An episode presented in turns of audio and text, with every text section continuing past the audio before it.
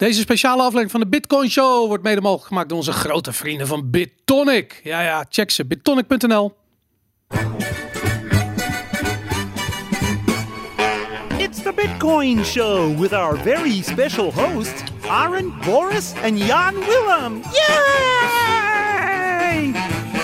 Jee, een hele bijzondere aflevering van de Bitcoin Show met niemand minder dan Arno Wellens. Welkom kerel. Het is eindelijk gebeurd. Dank je. Ja hoor. Ik vind het zo vet. Uh, we hebben uh, letterlijk deze opname hebben we al twee keer verzet. En nu is het eindelijk zover. En, um, ja, we hadden allemaal corona en uh, weet ik wat. Maar nu, nu, nu gaat het gebeuren. Ja. ja. Leuk om hier te zijn. Nou, tof. Ik, ik, ik volg je al uh, heel erg lang, al sinds de Café Weltschmerz dagen. En ik hoorde je op een gegeven moment ook zeggen van ja, ik word vreemd genoeg steeds vaker benaderd door crypto jongens en ja. bitcoin jongens en zo. En ik had echt zoiets van ja, dat is geen, dat is geen toeval natuurlijk. Weet je, ik bedoel... Iedereen... Ik, ik, vind het erg gezellig, maar ik begrijp er helemaal niks van. Nee? Nou, helemaal niks. Dat is ook niet waar. Maar de... Heb je, de, als jij je Deutsche Bank video's maakt, en ik bedoel, die zijn legendarisch geworden door de oh, jaren. Okay. Nou moet hij alleen nog vallen. Dan, uh, ja. Nou ja, goed. Als dat gebeurt, dan ben je natuurlijk niet meer van uh, bij op één weg, uh, weg nee. te slaan natuurlijk. Maar, maar ja, hij wordt gered. Dat is het probleem. Ja, dat goed, gaat dat gebeuren. Ja. ja. laten we daar straks over hebben. Maar anyways, als ik daar kijk, dan zie ik op die video's ook rustig 150.000 views mm -hmm. op YouTube. Dus je ziet al van dat soort ja, van die onderwerpen waar je vroeger op een verjaardag met goed fatsoen niet meer aan kon komen. Daar is opeens ontzettend veel vraag naar. Mensen ja, willen dat, weten wat er gebeurt. Ja, dat verbaast me ook. En um, ik zeg altijd gekscherend, maar dat is niet ver van de waarheid vandaan. dat, um, kijk, dat er iets mis is met die banken, dat was voor mij duidelijk rond 2014 en 15. Oké. Okay. heeft een aantal redenen. Dus je zag dingen al veel eerder uh, fout gaan. Mm -hmm. En dan was het altijd zo dat, nou, als je een gesprek wil afkappen, dan ga je over de solvabiliteit van Deutsche Bank. He, dus heb je bijvoorbeeld een date. en dan voel je al ja. van, nou, dit wordt helemaal niks. Maar ja, je wil niet degene zijn die het verpest. Dus dan moet je de, de anderen excuus ja. geven om met smoesen te komen om weg te lopen. Dus dan op een gegeven moment dan begin ik over uh, waterschapsverkiezingen en provinciale statenverkiezingen. Nou, als, als dat haar niet in slaap brengt, dan uh, begin ik over de solvabiliteit van Deutsche Bank. En dan zegt ze ineens inderdaad van, oh, ja, ik moet weg. Ik moet mijn moeder nog uit bad halen. Is het al of, zo laat? ja, de, de, de, de, was moet nog in de droger. Ja, nee, dat snap ik inderdaad. Oh, jammer. Nou, maar nu, is het, nu zijn we inderdaad zover dat, um, dat daar allemaal dingen gebeuren. Waardoor het de interesse heeft van, uh, van veel meer mensen. Dus als ik nu een, uh, een spreekbeurt heb over uh, de, de, koers van Deutsche Bank. Ja. Dan ja, heb je volle zalen. Voor zover dat kan nu met, met corona. Ja. Maar dat is wel echt inderdaad een kentering. Dat had ik drie jaar geleden niet durven denken. Ja, ik vind het ook eigenlijk wel logisch dat, uh, kijk, iedereen, je hoeft, laat ik zo zeggen, je hoeft niet gestudeerd te hebben om om je heen te kijken en te, te zien dat er iets verschrikkelijk mis is in de maatschappij. En uh, sommige mensen zoeken het uit, verdiepen zich erin, komen ja. bijvoorbeeld bij jouw video's terecht. Anderen voelen het gewoon als ze in de supermarkt staan. En hebben ja. zoiets van hoe kan het dat ik steeds meer geld kwijt ben voor een zak met boodschappen bij ja, Of uh, als je bij de makelaar even in de vitrine kijkt. Bijvoorbeeld. Het raam. Ja, want kijk, dat is het ding. Dit is de Bitcoin Show. En um, uh, um, het ligt voor de hand om het over Bitcoin te hebben, maar ik vind het eigenlijk helemaal niet zo ontzettend belangrijk. Uh, ik vind Bitcoin wel belangrijk. maar oplichting, vind, ja. Ja, nee, maar ik vind het niet belangrijk om daar, daarover te hebben, omdat ik, um, voor mij is Bitcoin iets wat bestaat binnen een bepaalde context. Mhm. Mm -hmm. En ik wil het over die context hebben, want die context top. Helemaal is top. geldcreatie ja. en de euro en ons financiële monetaire systeem waar we ingerommeld zijn door ja. uh, de afgelopen, wat is het, sinds 1971. Dus daar, uh, daar wil ik het graag met je over hebben. Um, he, he, heb, je, heb je wel iets met Bitcoin niet echt, toch? Uh, ik doe er niet heel veel mee. Nee. Behalve dan dat ik altijd word uitgenodigd door... door Bitcoiners. Ja, precies. Ja. Nou, ook door nou, Miss Bitcoin. Ja. die heeft een goede titel trouwens, mooie catchy... Ja, jij kan nu nooit meer Miss Bitcoin worden. Ik, ik had ook niet heel erg de ambitie om een Miss Bitcoin nee, te worden. Dus, uh, nou, ik, ik heb met haar een leuk gesprek gehad in de auto, en, uh, maar ook in de studio. Ja. Dus uh, dat, dat is het leuke. Dus ik word altijd uitgenodigd door de Bitcoin mensen om te praten over alternatieve geldsystemen. Want dat is ja. natuurlijk de reden waarom mensen mij vragen. Of jij ook, denk ik. En, um, maar buiten dat weet ik er niet heel veel van. Ja. Dus ga hey, mij geen technische vragen stellen, alsjeblieft. Maar ik heb je laatst wel horen zeggen dat je jezelf uh, tot de libertariërs um, rekent. Ja, ik heb een. Uh, ik ben uh, bevriend met wat libertariërs. Dat is, dat is geen geheim. We hebben ook een, met de Libertaire Partij heb ik ook een, een burgerinitiatief. Ja. Eh, het is barsmaar.eu noem ik dat. Ja. En dan denk je barsmaar.eu, dat is niet aardig. Moet dan die hele EU barsten. Ken je de historische context niet? Nee, daar gaat het allemaal niet om. De EU gaat nu de blunder begaan door banken te redden. Oké. En dat is dus je linkje naar, de, naar het oude financiële systeem dat niet werkt. Ja. En dat je met allemaal duct tape en plakband en spuug aan elkaar moet houden. En daardoor gebeuren er allemaal rare dingen. Het is een En- petitie toch, Bas? Ja, dus een petitie. Ik wil willen 40.000 handtekeningen hebben en dan naar de Kamer gaan en zeggen: jongens, je gaat nu de bankenunie tekenen. Ja. Wat heel solidair klinkt in Europa, samen voor het klimaat, bla bla bla. Maar er zitten een paar clausules in waar het eigenlijk om te doen is. En dat is dat je met Nederlands belastinggeld het faillissement van een, de schade van een faillissement van een bank in een ander euroland kunt opvangen. Ja. En dat moet je niet doen. Nee. Want dat gaat ten eerste om zulke gigantische bedragen. Ja. Ja, dus als je zegt, nou jongens, een euro is leuk. Als je, een, eh, als je op het terrasje zit in Griekenland, hoef je niet langer geld te wisselen. Of twee vakjes in je portemonnee te hebben voor Belgische franken en Nederlandse guldens. Als je wel eens over de grens eh, Mhm. moet werken. Ik had dat vroeger. Ja. Werkte ook bij een Belgische bank. Moest ik wel eens naar België. Had ik een portemonnee met twee vakjes. Nou, eh, gut, vreselijk. ja. Sowieso is, eh, zijn de meeste transacties toch digitaal. En, maar het, dat werd altijd gezegd van de euro. Nou, je hoeft dan geen geld meer te wisselen. Want dat was kennelijk een enorm probleem in ons leven. Dat betwijfel ik. Maar goed, Mhm. ik ga er even in mee. Ja. Met de euro-voorstanders. Ehm, dat is al je voordeel. Maar het nadeel is het feit dat je hetzelfde geld hebt als die Italiaan bijvoorbeeld. Dat betekent ook dat ehm, jouw overheid zich gaat mengen in het afwikkelen van een faillissement van een bank in dat land. En als je dan gaat afvragen, is dit een, is het hebben van een euro, een gemeenschappelijk geldsysteem, is dat voordelig voor mij als Nederlandse burger? Ja, dan moet je je afvragen, wat houdt het dus in, een Europese Unie met 1 euro met een gemeenschappelijke munt? Nou, waar het nu naartoe gaat, is dat het hebben van één munt betekent dat jij daar banken moet gaan redden Ja. dan, wordt, dan, dan kun je. ehm, dan kun je hoe, wat voor voorstander je van Europese integratie ook bent. En hoe erg je ook bent getroffen door de geschiedenis. En wat je beweegredenen ook zijn. Op het moment dat dat gebeurt. dan kun je onmogelijk hard maken. Ehm, dat de euro geen gigantische misser is en een enorme blieder. Absoluut. Want Ja. eerder was het zo, hè, vroeger in de goede oude tijd, zeggen mensen die me dan eh, nu al oud en ouderwets vinden. Maar dat was echt beter. Vroeger was dat afgeschot. Dus dan zou je een bankair faillissement in Zweden heeft dat ook gehad. Zweden heeft ook een bankencrisis gehad. Nou, dat moet je binnen Zweden oplossen.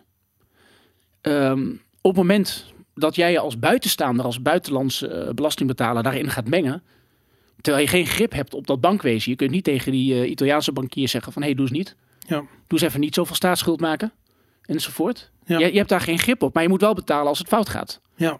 Nou, dan is het een gigantische blieder. Dus we moeten ook zo snel mogelijk uit die euro. Er is geen, er is geen twijfel over mogelijk. Ja, ik bedoel, daar zijn we het absoluut over eens. Maar even terug naar die euro. Hè.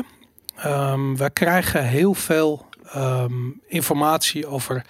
Eh, kijk, in, in Amerika hebben ze gewoon eigenlijk ook één fiscaal stelsel. Amerika is eigenlijk één- is één land. Niet eigenlijk, Amerika is één land. Daar in- functioneert het, ja. Ja, en Wel, wel, eh, zeg maar, de snelheid waar ze daarmee de printer aanzetten, dat probeert hier, wordt hier nu nagedaan. ja, Maar als je dat aspect weglaat, hè, dus even van de, van de geldcreatie en van wat centrale banken nu doen. ja, Als je naar alle andere aspecten kijkt van wat, wat nodig is om een munt te laten slagen, dat is daar aanwezig. ja, En dat is dat men voelt dat er een United States of ja. whatever is. Hè, United States of Africa misschien, of, Ja. eh, of Europe of America. Ja, daar voelen ze dat zo. Ja, hier voelen we dat niet, want En hier wij moeten we de niet. overeind houden. En dat voelt gewoon als betalen voor, ik weet niet, de rommel van je buurman. Ja, het- ik zeg altijd, eh, Mark Rutte werd, werd premier met de belofte, geen cent meer naar de Grieken.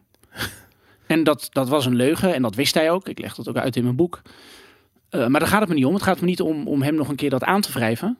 Het, de, ehm, het diepere probleem is Mhm. dat hij zulke kreten moet laten horen om Ja. premier te worden. Ja. Dus kennelijk leeft er bij de gemiddelde Nederlander een enorme aversie tegen het eh, solidair zijn met anderen. Ja. Hè, zoals Nederlanders nu zeggen.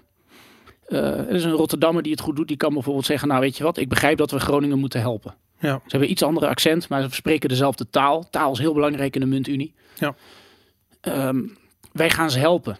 Want dan zijn wij één Nederland. En dat gevoel heb je op Europese schaal niet. Nee, Je kunt naar Lapland gaan en dan kun je zeggen van... joh, wil je die mensen op Kreta helpen? ja, daarom, dat werkt allemaal niet. En dat werkt niet. En dat moet je constateren. Dus ik geef daar geen waardeoordeel aan. Ik zeg ook niet van... eh, wat vooral de Euro- D66-Europarlementariërs doen, zoals een So- Sofie in het veld, die zegt, ja, we moeten draagvlak, eh, draagvlak creëren. Ja, Ja, ik ben niet zo ambitieus. ja, En dat is vooral omdat ik daar meer misschien realiteitszin in heb. Maar je constateert dat de behoefte om het te laten slagen er niet is. ja. Dus wordt het per definitie een drama. Maar is het niet juist de schuld die gecreëerd wordt waar, waar de problemen in zitten? Kijk, ik bedoel, ik vind het super gezellig om naar Italië te gaan, lekker te eten en te feesten. En we- weet ik veel. En als de Italianen hier komen, fantastisch, Ja. weet je? En de Grieken hetzelfde. Maar op het moment als het gaat om die ehm, als we kijken naar geld en geldcreatie, dan zie je dat de Italianen relatief rijk zijn, zeker in Noord-Italië.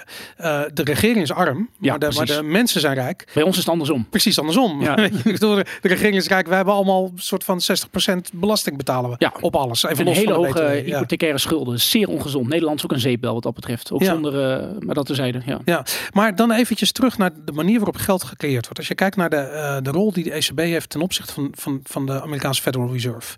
Daar is het makkelijk tussen aanhalingstekens. Er is één centrale bank. Hoe verhoudt zich dat? Hoe werkt dat in Europa? Wat is de rol van de ECB als je kijkt naar de, bijvoorbeeld de rente en de geldcreatie? Nou, die, die is in wezen hetzelfde. Ehm, alleen het, kijk, het probleem is dat, ehm, dat in, in Amerika zijn twee dingen totaal anders. Ja, Ehm, nou, er zijn natuurlijk veel meer dingen, maar laten we het even eh, behapbaar houden. Kijk, ten eerste, die landen, eh, die, de, de, de staten binnen Amerika, dus de, de, hun United States, de, de, de staten die United zijn, Mhm. die hebben veel meer met elkaar gemeen. Dus ehm, zij fungeren als ehm, ehm, schokdempers Ja. voor elkaar. Mhm. Je kan bijvoorbeeld het Griekenland van Amerika, om het zo maar te noemen, dus qua Ja. werkloosheid bijvoorbeeld, ja, dat is Alaska. ja. Ligt ook een beetje aan de rand. Het, eh, het lijkt een beetje Griekenland op zijn kant, lijkt het eigenlijk een beetje inderdaad. Dus de werkloosheid is daar het hoogst. En wat je dan ziet is dat als er een recessie breekt, eh, uitbreekt met een lokaal karakter, ja. dan kunnen mensen in Alaska die kunnen weg. Die kunnen ergens anders in Amerika gaan wonen. Ja. Dus je hebt bijvoorbeeld een bedrijf of een, eh, een sector, weet ik veel, je hebt een dorp met ja, tien vissers, ik noem maar wat, die zijn alle tien werkloos. Ja.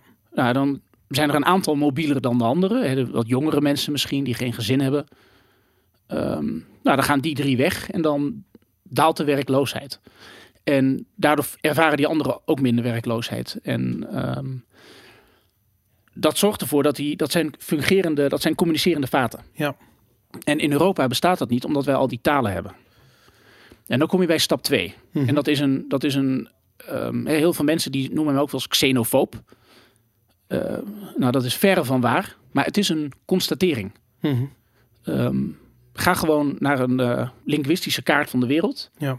En dat, dat is allemaal heel net onderzoek naar gedaan. Dat is allemaal neutraal. Hè? En op welke plek spreekt men welke taal? Ja. Nou, dan zie je dat Europa, dat is één groot interessant lappendeken. Ja. Met eh, ook nog allemaal verschillende alfabetten op een heel klein gebied.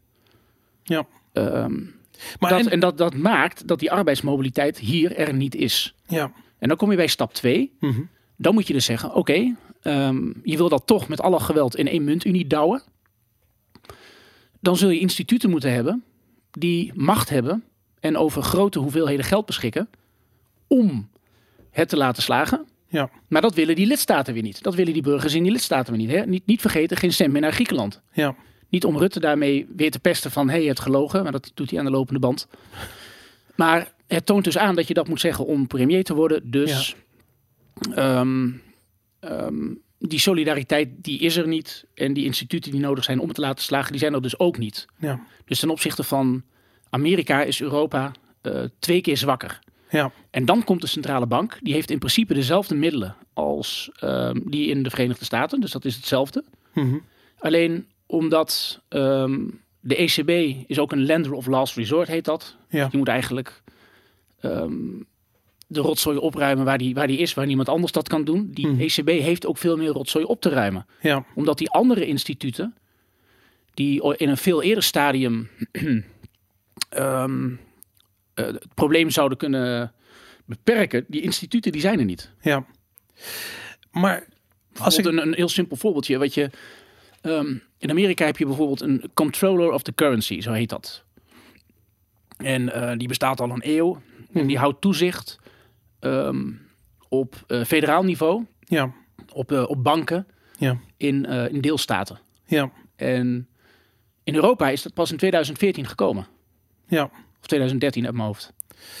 En hoe en wa- waar ik benieuwd naar ben, is hoe die hoe werkt dat proces van geldcreatie in Europa?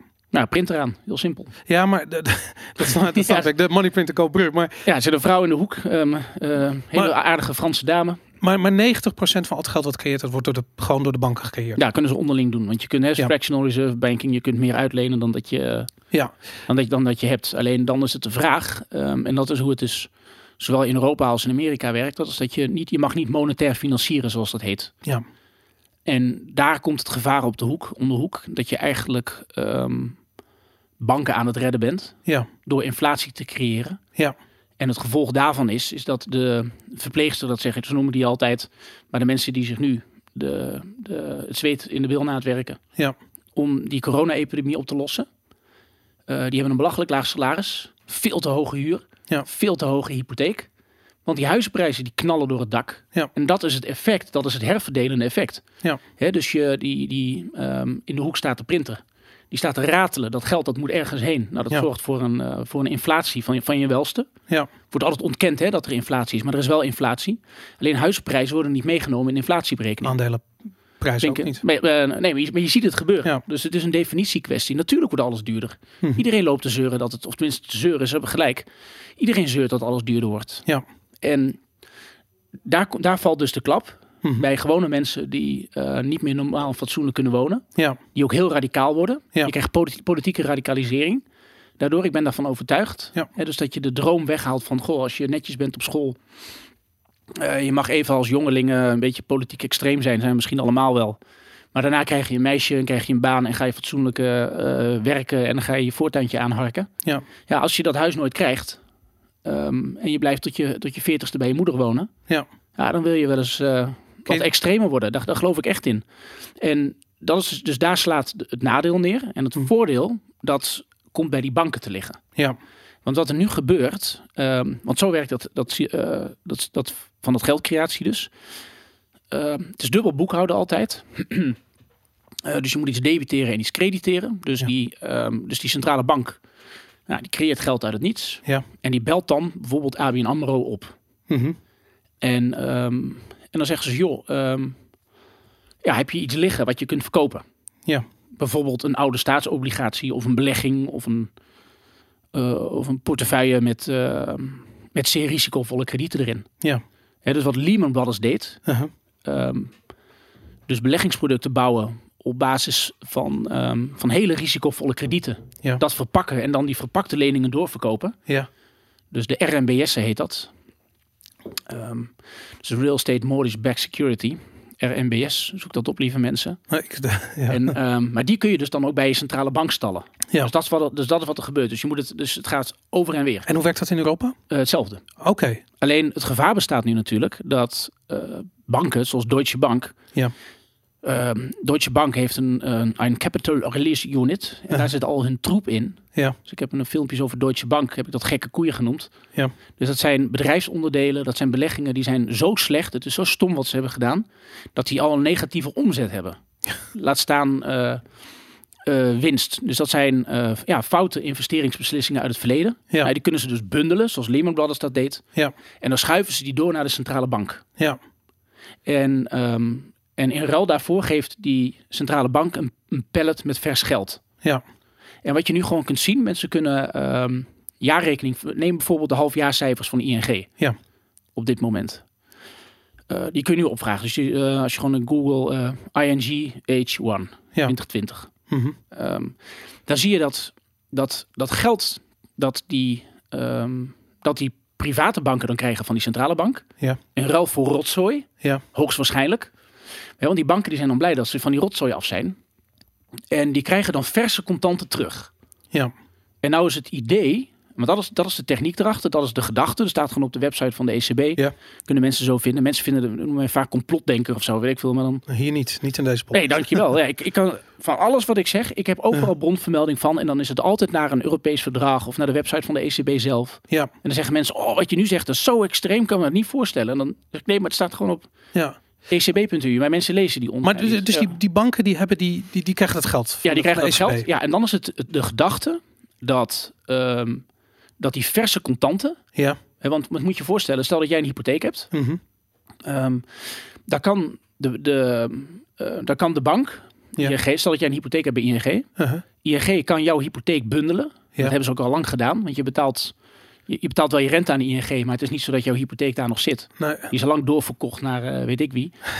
Eh, mensen denken dat ook echt dat een hypotheek bij de bank loopt. Ja, en, dat, en dat hun dat hypotheekrente. Die, dus mensen mij- denken van ja, mijn hypotheekrente gaat ook naar de spaarders bij die bank. Maar dat is natuurlijk onzin, want die spaarders krijgen geen spaarrente. Dus zo werkt het Nee. lang niet meer. Dat, dat is het securitiseren. Ja. Dus je vouwt wat hypotheken bij elkaar. Dus even voor jou in dit geval. Ja.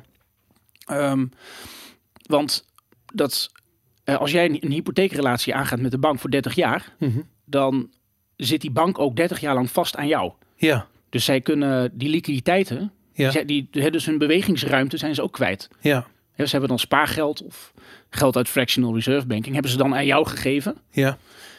voor die hypotheek. En jij gaat 30 jaar niet uit je, uit je mooie Phoenix eh, woning. Ja. Ja. Ja. Dus wat is dan het idee van wat de ECB doet? Tenminste, dat is de officiële gedachtegang. Maar er gebeurt natuurlijk veel meer. Ja. De officiële gedachtegang is dat ehm, zij dan, dus de ECB koopt jouw hypotheek over. Ja. Dus het stukje papier waar jouw handtekening op staat, dat gaat naar de ECB Mhm. voor de boekwaarde. Laten we er even vanuit gaan. Dus de, de, de waarde van de hypotheek. Ja. Bijvoorbeeld 100.000 euro, even een eh, makkelijk getal vast.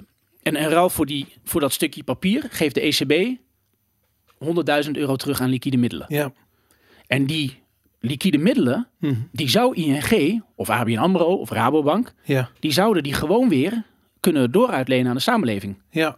Maar ze doen dat niet Maar dat doen ze niet. vanwege de rente. Ehm, niet alleen dat, ook omdat ehm, veel Europese landen, maar ook Nederland. Ja. We zeiden het net al, hè, in Italië is bijvoorbeeld de staatsschuld heel hoog. Mhm. Maar hebben privé, ehm, hebben, ja, natuurlijke personen, die, hebben nog, ehm, daar- die zouden nog wel wat kunnen lenen. Maar ook daar is overkreditering aan de hand. Ja. In Nederland is dat andersom. Dus heel veel mensen die misschien wel zouden willen investeren in iets, een opleiding doen of eh, ondernemerskrediet of zo. Ja. Ja, die kunnen dat niet, want die zitten nog in de schulden vanwege allemaal oude rotzooi. Ja. En de leennormen zijn sinds 2008 ook aangescherpt. Ja.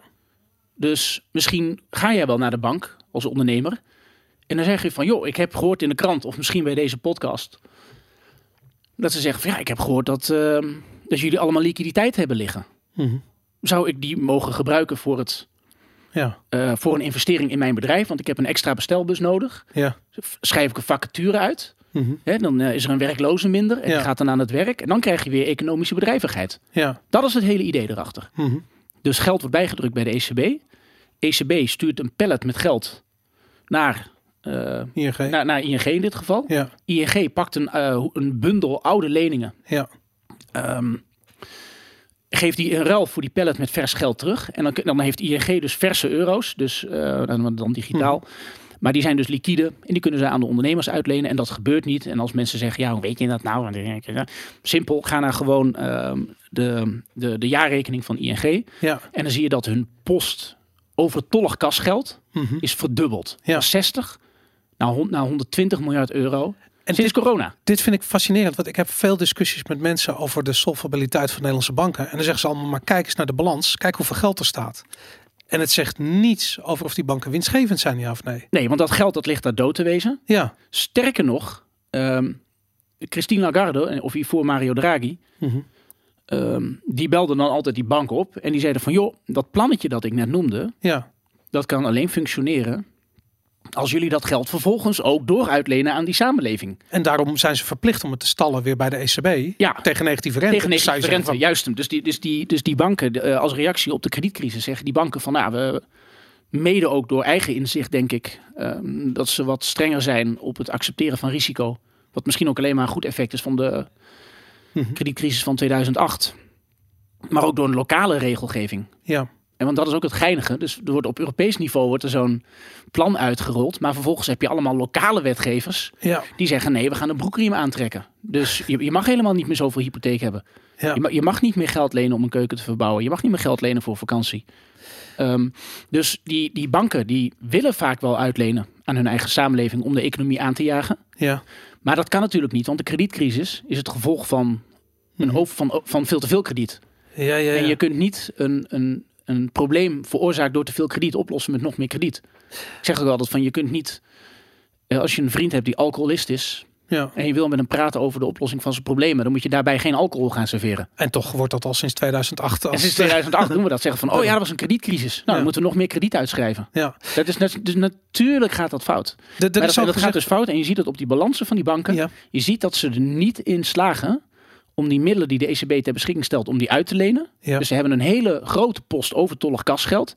Hebben ze allemaal. En nu zegt de ECB, en daar gaan we jouw boeterente voor rekenen. Ja. En weet je wat die bank doet? betaalt het. Die schuift het door aan die, aan die spaarder. Ja, ja, tuurlijk. Ja. En dat is waarom je nu negatieve Ja. spaarrente hebt. Ja. Die bank die kan het bij drie mensen laten neerslaan, die negatieve rente. Ze kunnen zeggen, nou, we laten het bij niemand neerslaan. Maar, dan, dan, dan zijn de aandeelhouders de klos. Maar En, en, eh, of ze in het, in het kader van fractional reserve banking ja, hebben ze leningen uitstaan bij andere banken. Ehm, en dan kun je daar misschien de rente verlagen of zo. Maar dat kan niet, want dat zijn contractuele verplichtingen. Mhm. Dat zijn obligaties, bonds. Nou, dan blijft er een derde post ehm, van financieringsbronnen van de bank die blijft over. En dat is de spaarder. Hey, en die krijgt de rekening. Want dat geld wat die banken hebben, hebben liggen daar in die kluis beneden in de Ja. kelder bij wijze van spreken. Dat, het is niet zo dat dat in principe wordt uitgeleend. Nee, dat dat wordt niet. Dat, dat ligt daar. Dat, snap ik. daar. Ja. Maar, maar zelfs al zouden ze het uitlenen, dan, dan in feite dat geld is de marge die ze aan moeten houden op het wat ze in cash in, in eh, hoe noem je dat eh, op de balans moeten hebben staan. Oh, daar zijn ze ver overheen. Dus, Daar zijn ze- dus ver overheen. Dus, de, dus, het, hè, dus een bank die moet altijd Wat is het? 8%, 6%, weet ik het? Ja, dat is, dat is ingewikkeld. Ehm, je, kunt, je kunt je afvragen of je, je, je luisteraars dit moeten aandoen. Ehm, Ze zijn heel technisch hoor. ja, laten we is dat. Laten we dat ehm, kijk, er zijn, je hebt twee soorten reserves. Ja. Je hebt er eentje aan de linkerkant en de rechterkant van de balans, zoals het heet. Mhm. Dus die banken die moeten ervoor zorgen dat ze solvabel zijn. Ja. En dat wil zeggen dat alle schulden die ze zelf hebben. Dus eh, als jij spaargeld naar de bank brengt, Ja. dan is dat schuld voor de bank. Ja. Want jij kan de bank bellen en zeggen: Ik wil mijn spaargeld terug. Ja. En dan moeten zij op aanvraag leveren. Nou, dat is de definitie van een schuld. Ja. Dus jouw bezit is het schuld van de bank. Ja.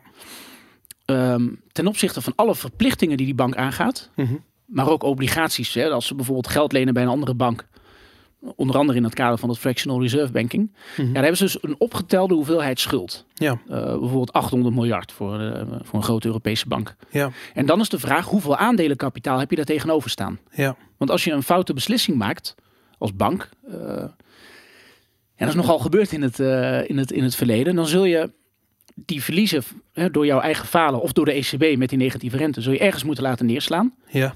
Nou, en dat moet je laten neerslaan in het aandelenkapitaal. Dat zijn je reserves aan de rechterkant. Ja. En dan heb je aan de andere kant heb je dus ook nog de hoeveelheid liquide middelen die je op korte termijn hebt. Ja. En ehm, ja, dat loopt de spuigaten uit. Misschien om dit te vergelijken met een privé-situatie van iemand. Mhm. Dus stel dat je een, ehm, stel dat je een gezin hebt met een hypotheek. Ja. En dan zeg je, nou, jullie hebben 20.000 euro spaargeld, Mhm. zeg maar wat. En, eh, en een, en een huis van 2 ton. Heb, Ja. je, heb je een hypotheek van 180.000 euro. Mhm.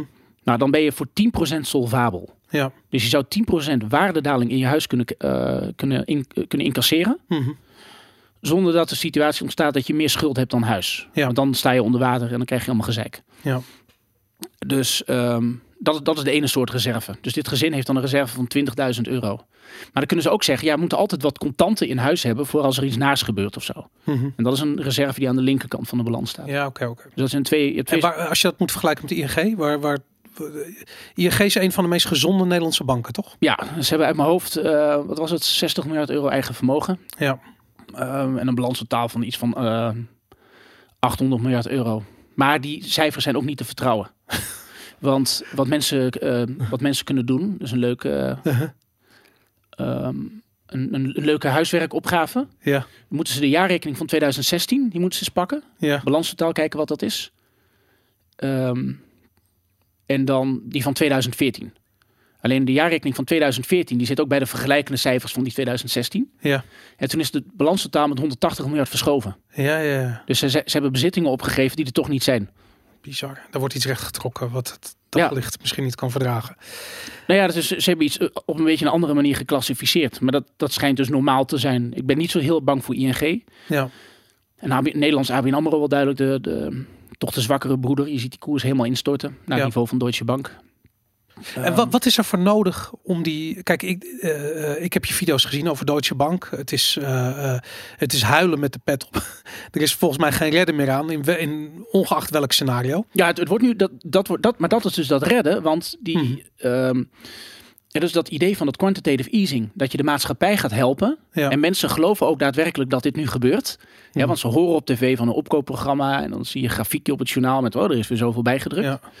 Dat geld gaat nooit naar die MKB'er. Nee. Die ondernemer, die krijgt zijn ondernemingskrediet niet. Ja. Maar om die overtollige kaspositie bij die private banken te creëren, Hm. hebben zij wel bezittingen kunnen dumpen. Ja, En dat kunnen ook hele risicovolle bezittingen zijn. tuurlijk. En omdat je nu corona hebt, Hm. heeft de ECB gezegd dat we willen nog wel verder gaan in het Ja. accepteren van risico bij het overnemen van, van rotzooi.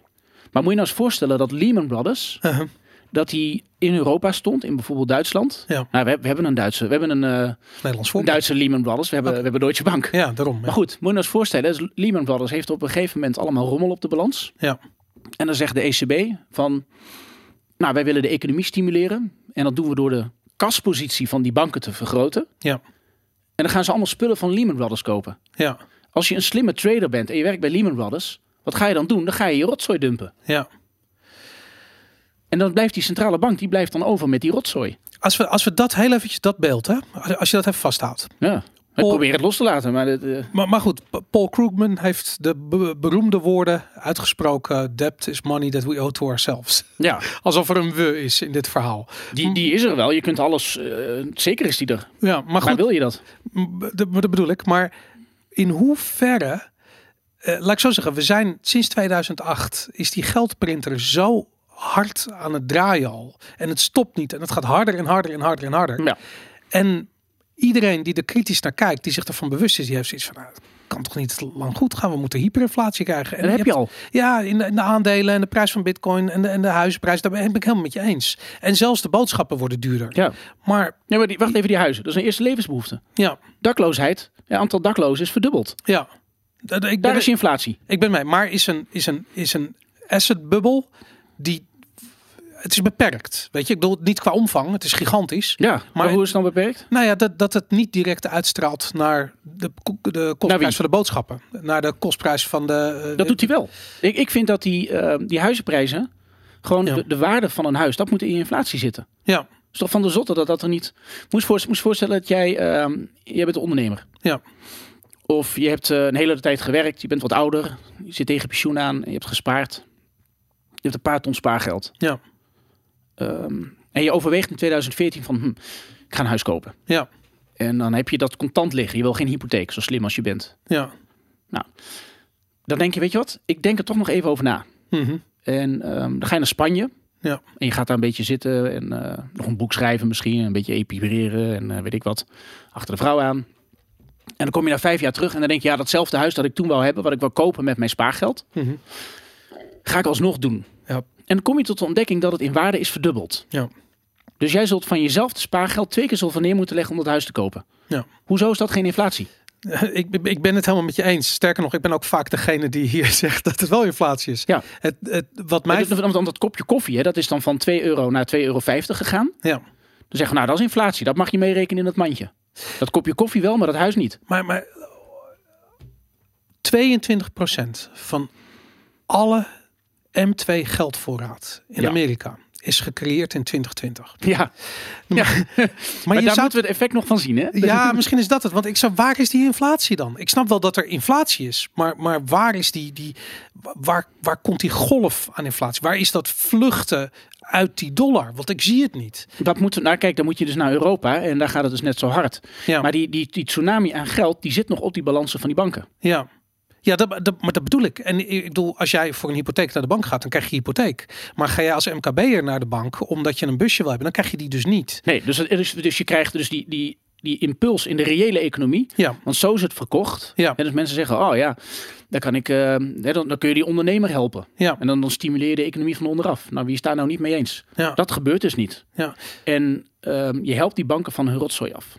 Maar het is het hele doel van het ECB-beleid om die inflatie aan te wakkeren. Ze willen 2% tussen aanhalingstekens. Rare doelstelling trouwens. Maar Belachelijk. Totaal Ja. belachelijk. Maar goed, dat hebben ze dan. Vervolgens passen ze daar een soort van eh, eh, maatstaf op los, de CPI. Die wordt op zo'n manier Ja, gemanipuleerd. die vind ik dus belachelijk. Die Ja. is belachelijk, absoluut. Eh, waardoor ze op een bijna, we komen op deflatie uit, geloof ik. Terwijl de aandelenkoersen en, en de huizenprijzen gaan, die verdubbelen elke vier jaar tegenwoordig. Ehm, En, en de vakbonden die passen hun, hun looneis ja, ook aan op het officiële inflatiecijfer. ja. Dat is dus een dingetje dat dan altijd tussen de 0 ja, en de dus de 2 lonen procent zit. naar beneden. Dus Terwijl de de- lonen gaan reëel. Je gaat knetterhard omlaag.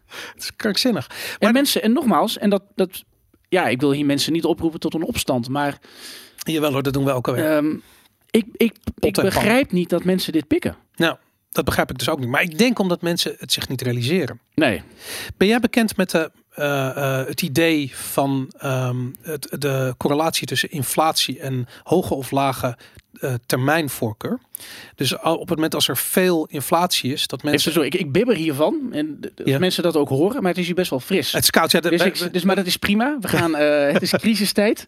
je Dus- mag geen dus jas aantrekken. nee, we, houden het, het, nee, we houden het lekker koud ook. eh, Oké, Dat ja, het eh, wordt wel warmer, want de cv-monteur is net weg. Maar we hadden de hele dag was het hier ijskoud. Ja, dus als mensen denken van, jezus, wat heeft die gozer een, eh, een bibber een stemmetje. Eh, Ja, eh, dat is dat. dat moet, moet hij ervan huilen? Maar, eh, ijskoude, maar nee. het zijn ook die koude verhalen over. eh, het is ook als Dat we aan is- Christine Lagarde denken, dan, dan wordt het hier ook. Heel word ik ook niet heel warm van. Daarom, dat is heel. Bij zo'n Tinder date zou ik over de solvabiliteit van Deutsche Bank beginnen. Maar Ik goed, dat, dat zij daarover begint, ze dat leuk, ja. Maar, ehm, maar nog heel eventjes. ik- Ben je bekend met, de, met die correlatie tussen dat, die, die, die hoge termijn of die lange termijn voorkeur en die korte termijn voorkeur in verhouding met. met eh, Je bedoelt het consumentengedrag. Ja, maar in, eh, niet alleen in hun, eh, in hun economisch gedrag, maar in al hun gedrag. Dus Ja, ja, ja, ja. eh, bijvoorbeeld een, een goed voorbeeld, wat ik zelf altijd een fantastisch voorbeeld vind. We hebben het natuurlijk altijd over CO2-uitstoot als het om milieu gaat. Maar een veel groter probleem is bijvoorbeeld het plastic wat in de oceaan wordt gegooid. Ja, Nou, ik, ben heel benieuwd hoe dit bruggetje naar... naar Nou, plas- bij- sorry. het is een beetje een idee wat ik zelf koester. Maar plastic is een gewoon een grondstof die je zou kunnen inzetten voor een productie voor het een of het ander morgen bij. Ja, ligt alleen al wel ver weg als die in de oceaan zit. Ik vind Nou ook ja. echt dat we dat moeten opruimen, maar dat tezijde. Blijkbaar is het eh, interessanter om, het, om die grondstof nu in de oceaan te kieperen dan het in te zetten voor een productie eh, van eventueel in de toekomst. En die korte termijn voorkeur heeft te maken met inflatie. Dus eh, ik, heb, ik, bijvoorbeeld, ik heb heel lang hier in Noord gewoond, hier in de buurt.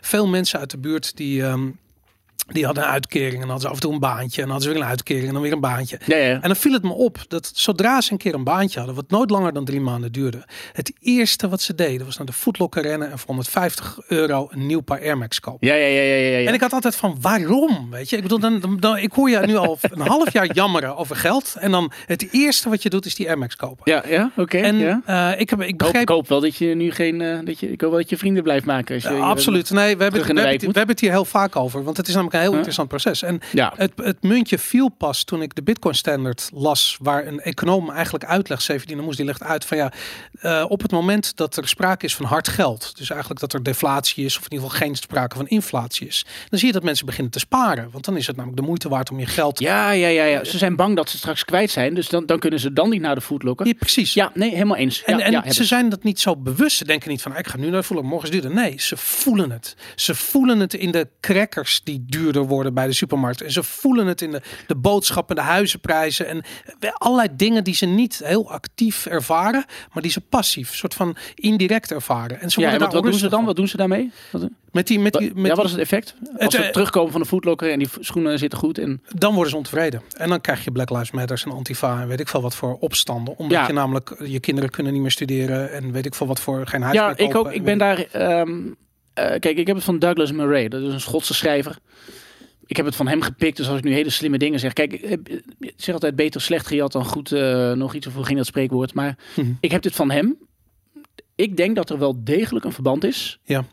Tussen wat ik zei, die radicalisering. En, ehm, ehm, en de slechte vooruitzichten. Ja, En ik begrijp niet, ehm, ik, ook als ik, als ik bijvoorbeeld met, zeg maar, de, de brave deugdmensen, om ze zo maar te noemen. Ja. De, de mensen die het goed hebben. Ja. Ja, want hè, het is een zero-sum game. Als die huizenprijzen omhoog knallen, dan, ehm, ehm, dan zijn er mensen die daar voordeel van hebben en de mensen die er nadeel van hebben. Ja. En de mensen die daar een voordeel van hebben, dat zijn bijvoorbeeld de mensen die nu al 15 jaar lang eh, D66 stemmen en beleidsambtenaar zijn bij economische zaken. Ja.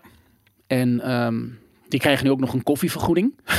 En dan staan ze, hè, dan moeten ze af en toe zoomen. Dan moeten ze, zitten ze in een eh, overhemd en dan een, daaronder een onderbroek. broek. Ik ken die mensen, heel veel studiegenoten ook en vrienden en Ja. weet ik wat. En die zeggen het ook van, "Poeh, nou is wel zwaar hoor dat thuiswerken. Ja. Maar gelukkig krijgen we koffievergoeding. En, maar ze krijgen gewoon doorbetaald. Ja, ja, ja. het is bizar. Ja. Ja, en, en hun huis wordt, wordt meer waard. Ja. En ehm, ja, zij merken daar niet, niet, niet superveel En van. beleggingen. Die ze, Beleggingen gaan omhoog. Ja, absoluut. En pensioenen worden gegarandeerd. Het zijn geen kroegeigenaren over het algemeen. Nee. Het zijn geen horecaondernemers. Precies, maar dan ga je inderdaad naar een wat mindere wijk. Of ik woon eh, zelf ook in een wijk met, met uitdagingen, om het zo maar te noemen. Uh-huh. Ja, ik ben journalist, dus ik kijk om me heen. Ik ga met mensen in gesprek. Ja. En dan ga je bijvoorbeeld met jongeren praten. Die zeggen, nou, wat zijn mijn vooruitzichten? Waar zal ik eens gaan werken? Ja. Dus, ik heb dat vaker genoemd. Stel dat jij verpleger wordt. Ja. Ehm, met het salaris dat je dan krijgt. Je kan kijken wat het startsalaris is van een verpleger. En wat het kost om een huis te, te Ja, krijgen. is- Dat is kansloos. ja. Ja, en dan ten eerste, mensen keren zich af van die beroepen. Ja. Dus je krijgt een gigantisch vergrijzingsprobleem. Mhm. We steven nu, nu of af met die zorg. Ja. Misschien is corona een wake-up call. Dat we eens moeten kijken van, hm, hoe zit het met eigenlijk met, met, met de, de gezondheid van de gezondheidszorg? Ja. Dat is verschrikkelijk. En die managers daar, die weten dat. Ja. Dat zijn weer die mensen die aan de andere kant zitten. Dus zeg maar mijn studiegenoten, die zeggen dat van ja, over vijf jaar kunnen wij gewoon hier geen zorg meer leveren. Ja. Dat weten ze al lang. Ja, dat is, dat is de terug. En dan En dan krijg je gewoon een pyjama week. En dan laat je oma gewoon vijf weken in dezelfde luier zitten. Ja. Daar stevenen wij naar op af. Ja. Dat zijn, die, dat zijn gewoon die demografische grafieken die je in Excel kunt maken. Ja. Van bij het huidige tempo van uittreden en een gebrek aan intreders. Ja. eh, en, en meer vraag naar zorg door die vergrijzing, omdat we steeds ouder worden. Ehm, dat, dat, dat, dat kan niet. En dan kun je zeggen, nou dan moeten we maar immigratie eh, hebben. Dan ga Ja. je bijvoorbeeld uit Afrika. Hè. Daar hebben ze per inwoner hebben ze daar minder verplegend personeel dan in Nederland en minder doktoren. Ja. Hebben ze met pijn en moeite hebben ze een ziekenhuis opgezet, zodat ze toch nog zorg. En dan gaat Nederland het daar werven. Ja, ja, dat is bizar. Ja. Omdat wij hier, dus wij hebben hier, dat, ik vind het een grof schandaal. Ik, Ja. vind, dat, ik vind dat afschuwelijk. Ja. Dat, dat je dat doet. Dat je dan jouw, jouw zorgtekorten, die exporteer je naar Afrika. Dat is wat wij doen. En naar het midden en naar. eh, En naar Polen en Naar heel Polen veel. Oost-Europa. Ja. ja, en uiteindelijk hoopt men dan nu, dus de, dus de, de, de, tekorten die nu op de arbeidsmarkt in Polen ontstaan, die moeten dan, hè, dus het demografisch tekort, Ja. dump je naar het zuiden of naar het oosten. Ja. Dat is kennelijk de truc. Nou, dan heeft Polen heeft dus eh, nu ook een, een, een tekort. Nou, de truc is dus naar het oosten dumpen. Daarom moest Oekraïne bij de EU. Want Ja. dat komt er feitelijk bij. Dus dan kun je Oekraïense, maar wie gaat dan daar op het platteland werken? Ja. Nederland moet er gewoon voor zorgen dat er meer mensen in de publieke sector gaan werken. Ja.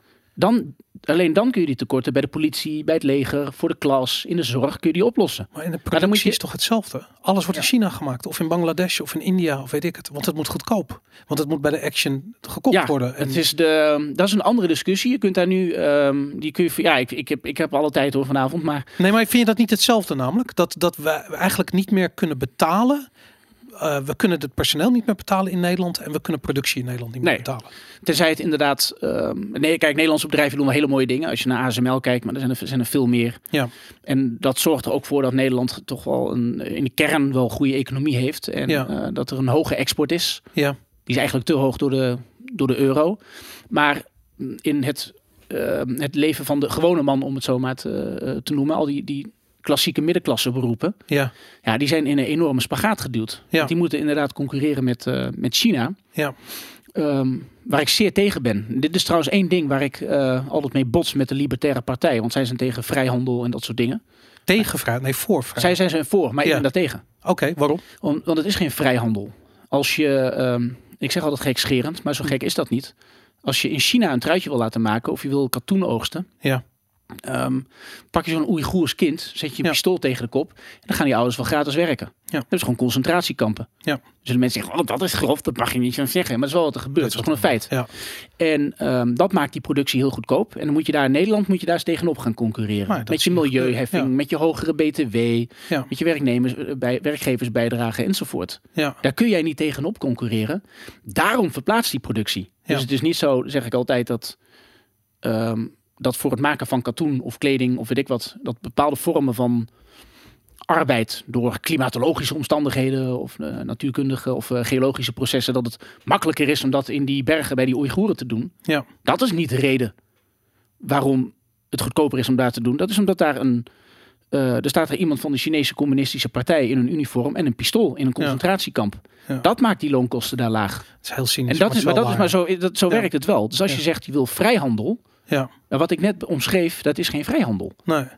Dat is de, één iemand speelt vals. Maar de, de- de- kijk, dat is het lastige met kijken naar de economie zoals het er nu uitziet. En, en, en het proberen het recht strijken van, van alle fouten die erin zitten. Ja, En dat is eigenlijk wat, wat ik denk wat libertariërs doen en wat bitcoiners ook zeker doen. Dat is die gaan er is een terug. grote overlap. Ja, Ja, inderdaad, die gaan terug naar die beginselen, naar die primaire beginselen van hoe moet een economie eruit zien. ja. En hoe ziet, wat is de rol van geld daarin? En wat is de rol van open grenzen en vrij, vrije handel? ja. En van daaruit proberen te redeneren. Want Nou ja, dat dit, kijk, die, die, die rol, kijk, die rol van het geld is heel simpel. Dat moet faciliterend zijn.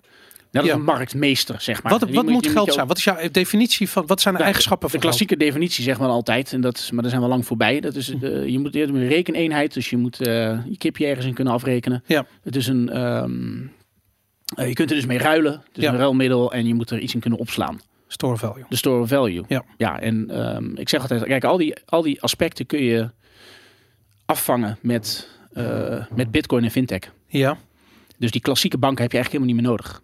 ja, vind dat het eh, spre- eh, aan- aansprekend dat IGN dat heeft bijvoorbeeld. Hè, dat geeft dan betaalverkeer uit. maar hoe En- belangrijk is en het? Dat is, maar dat is meer waard dan ING. Maar, maar dan nog heel eventjes over dat, want dit is een discussie die ik bijvoorbeeld vaak met de Goldbox of met Willem Middelkoper, Mhm. als je kijkt over van, ja maar geld is, moet gedekt worden door iets, weet je. Ons, onze euro's worden gedekt door schuld, Ja. want elke euro is in feite een schuldpositie. Ehm, als je kijkt naar eh, eh, goud, dan, nou goed, dan is daar een du- duizenden jaren Ja, ik ben, opgebouwde. ja, ik ben het helemaal met je eens. Ja, kijk, tenminste, het moet dan gedekt zijn. Ehm, dat was het. Kijk, dat was het oude idee van de Bretton Woods. Ja. Dus je had een bepaalde hoeveelheid geld en een bepaalde hoeveelheid dollars. En dan zou je eh, zou landen die dan onderling handelen en zich daarbij aansluiten.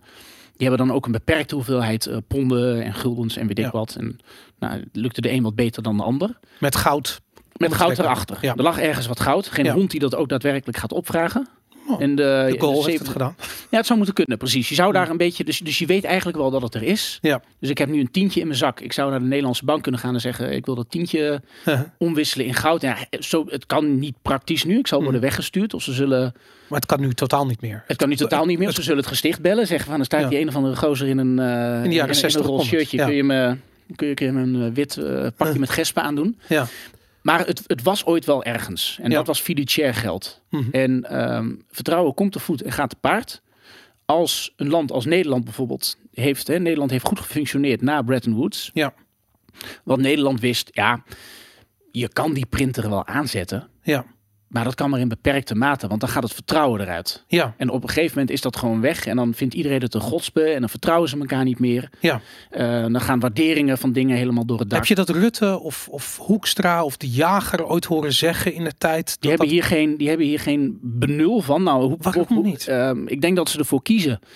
Ik noem, dat, ik noem die mensen de grote doormodderaars. Ja. Want ehm, zij zullen elke moeilijke discussie, elke ehm, vergaande discussie, die, die zullen zij mijden. Ja. Ehm, dat is trouwens wel waarom ik wel goed bevriend ben met de Libertaire Partij. Uh-huh. Ik vind het al heel leuk, als, ik noem dat vaker, maar als je bijvoorbeeld het verkiezingsprogramma van de VVD. Ja. Hè, stond de vorige keer van, eh, ja, we gaan niet meedoen met die Europese steunfondsen. Ja. Nou, als je nu kijkt wat er nu uitgaat, jongen. Maar goed, Mhm. Ehm, dat zijn de beloftes die ze doen. En dan moeten ze steeds meer water bij de wijn doen. Ja. En dan moeten ze hun oude verbroken beloftes en leugens, die moeten ze dus recht lullen. En eh, de Libertaire Partij, Mhm. ehm, die heeft dat niet. Ja. Dus als je bijvoorbeeld het verkiezingsprogramma van de, van de VVD pakt, Mhm. dan staat er van nou dat ESM, hè, dus dat Europees stabiliteitsmechanisme, dat, dat die Europese ehm, eh, reddingen moet, moet doen met Nederlands belastinggeld, Ja. feitelijk. Ja. Ehm, dan staat er nu in de, in de VVD staat er nou, stoere taal Mhm. van eh, nou ze krijgen ons geld niet zomaar. Ja. Hè, dan moeten ze, dan moeten ze aan voorwaarden voldoen. Uh-huh. En, eh, en gelooft u ons, hè, Mark Rutte die gaat op streep staan, onze man in Europa. Ja, ja. Je gaat die zaal binnen met die Europese Raad en dan eh, Mhm. gooit hij de deur heel hard dicht. Weet je, dat is, dat is die, dat is die stoere VVD-taal. Ja. Dat is onzin, want zodra het kan, zodra hij Merkel ziet, dan buigt hij als een knipmes. Ja. Ik weet niet wat voor fascinatie tante Angela op onze marktje heeft, maar Ja. Dus het is niet waar dat hij zijn poot stijf houdt. Maar goed, dat is wat de VVD zegt. Ja. Ehm, wij gaan harde voorwaarden eisen. Mhm. In het partijprogramma van de Libertaire Partij staat... waarom moet dat ESM er überhaupt zijn? Ja. Dus dat, dus dat is een stap terug. Die moet het eigenlijk helemaal niet hebben, want het is helemaal niet, liber- het is helemaal niet liberaal. Nee. Dus eigenlijk ehm, de, de, de Libertaire Partij Mhm. is de VVD van een halve eeuw geleden Ja. Zonder dat ze met pek besmeurd zijn door al hun eigen manipulaties en onzin en leugens en weet ik wat. Ja. Ik, ik, laat ik zo zeggen, los van, eh, ik bedoel, ik vind mezelf een, ik, ik schaar mezelf ook bij de libertariërs. Eh, ik ben, ik heb een bloedhekel aan politiek. Ik denk namelijk dat er geen oplossing is voor alle problemen die we hier schetsen vanavond Ja, ja, vanuit de wel. politiek. Kan absoluut. Op, oplossingen zijn er wel, maar niet vanuit de politiek. Die kunnen niet een complex systeem zoals de economie micromanagen. Het is dus het is een samenleving die dingen moet afdwingen. Ja, eens. Laten we dan nog heel even. Het is- ik die wil samenleving moet zeggen, die samenleving moet zeggen, de huizenprijzen zijn verdubbeld, aantal daklozen is verdubbeld. Ja. Klopt hier iets niet? En- We gaan het doorknippen. Maar er klopt zo ontzettend veel niet in onze maatschappij. En niemand trekt zijn mond open. nee, maar het is die, maar en ze stemmen allemaal op Rutte. Ja, dat En de, de Rutte is de grote doormodderaar. Ja. Die, ehm, die blijft altijd. ehm, dus die, die verpakt het mooi. Ja. Die doet beloftes die hij niet kan waarmaken. Het idee bestaat nu ook bij mensen. Dat vind ik echt fascinerend hoe hij dat gespind heeft. Mhm. Ehm, mensen, ik zeg dat, misschien heeft iemand mij dat vaker horen zeggen. Nou, so be it. Zwaar. Op 4 december 2019, dus voor corona, ruim voor de lockdown, had je een grote top in Brussel. Ja. Met de, de Eurogroep, dus de minister van Financiën van de Eurozone. En eh, in het kiel zocht daarna een, een Eurotop, dus een Europese raad met de Hm. regeringsleiders. En daar is besloten, wij gaan eurobonds invoeren. Ja. En dat moet voor het einde van de, van de eerste helft van 2020 gebeurd zijn. Ja. En de reden waarom we dat gaan doen is om banken te redden. Ja, ze wisten dat, zagen dat al aankomen. Ze zagen het al lang aankomen, maar dat Ja. was ruim voor corona. Het heeft Ja. niks met corona te maken. Nee. Als mensen dit niet geloven, dan google je op Eurogroup meeting Ja. 4 december 2019. Het is toch zo dat de repo crisis, die ook in oktober al uitbrak. En in feite... Juist, hem- en hier is dat een reactie op. Ja, snap ik. En toen heeft Wopke Hoekstra zelf gezegd, met Mhm. medeweten van Rutte, Ja, want zoiets als dit, dat, dat doe je niet zomaar eventjes, ja, van als er inderdaad een grote financiële crisis komt ja, en ehm, we moeten dus door Europa heen banken en overheden gaan redden, ja, met Nederlands belastinggeld, wat wij niet willen, ja. dan zal met geleend geld moeten gebeuren. Ja, Ja, want Nederland, hè, geen cent meer naar de Grieken. Wij willen dus geen contributie betalen aan het systeem, Ja. aan het eurosysteem. uh-huh, Want wij willen erop verdienen. Wij willen geen offers brengen. ja. Dus wij betalen die contributie niet. Dus als daar een keer wat gebeurt, Mhm. dan is er dus geen spaarpotje waar je uit kunt putten. Want dat wil, daar waren we de krent terug voor. Amerikanen hebben dat wel. Ja. Ehm, ja, dus dan zul je dat met, met die eurobonds moeten doen. En Rutte en Hoekstra die hebben dat op 4 december 2019 hebben ze zelf een document opgesteld. Ja, dat is bizar. Ja, en hebben ze gezegd van nou, als er een crisis komt, dan moeten we dat met eurobonds oplossen. Ja. En dat moeten we geïnvoerd Nederland heeft hebben. gewoon een initiatiefnemer van dat, van dat krankzinnige systeem. Nederland is daar de initiatiefnemer Ja. van. Het is agreed draft. Je kunt het document kun je gewoon downloaden. staat op de website van de Europese Commissie. Ja. Allemaal open en bloot. Geen hond, behalve ik, die het leest. Ja, ja dat, dat is natuurlijk ook een ding. En dat Ik- is het probleem. Dus mensen laten dit gebeuren. Ik wil heel even dit, dit cirkeltje afmaken. Want waar je dan uitkomt op een gegeven moment. Oké, de ECB zet de geldprinter aan. Die Ja. staat er natuurlijk al, al sinds twee, eigenlijk sinds 2008. En die gaat ook niet meer uit. Die gaat niet meer uit. Er is een gezegde. Je kunt een piramidespel niet afbouwen. Nee, het is- stort in. Het stort in. Ja. Die euro gaat instorten. Er Ja. is geen afbouwen aan. Hoe gaat het proces eruit zien? Ehm, En wat gaat het triggeren? Wat ik denk is dat je, een, ehm, dat je een populistische storm krijgt. Oké. En dat de eurosceptische partijen, Ja. ook de minder leuke, ehm, want daar zit een, ehm, als je door Europa heen kijkt, zie je Ja. daar een, Extreem rechts, dat soort Ja. dingen. Ja. En, en die, kijk, omdat dat systeem faalt, worden veel meer fatsoenlijke jongeren.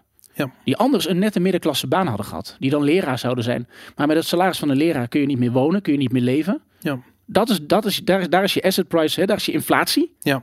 Als je zegt, waar is die bubbel, waar is die inflatie? Die is daar. Die leraar die kan dat niet. Die wordt zo radicaal als de tyfus. Ja. En dan zitten ze ergens in foute appgroepjes. Of ze sluiten zich aan bij een radicaal communistische beweging. Ja. Ehm, dus het wordt steeds ongezelliger op straat. Ja. En dat zal er uiteindelijk toe leiden. In Griekenland heb je de, de Gouden Dageraad. Ja. Dat is gewoon een partij met, met, met, eh, met nazi-huisstijl. Ja.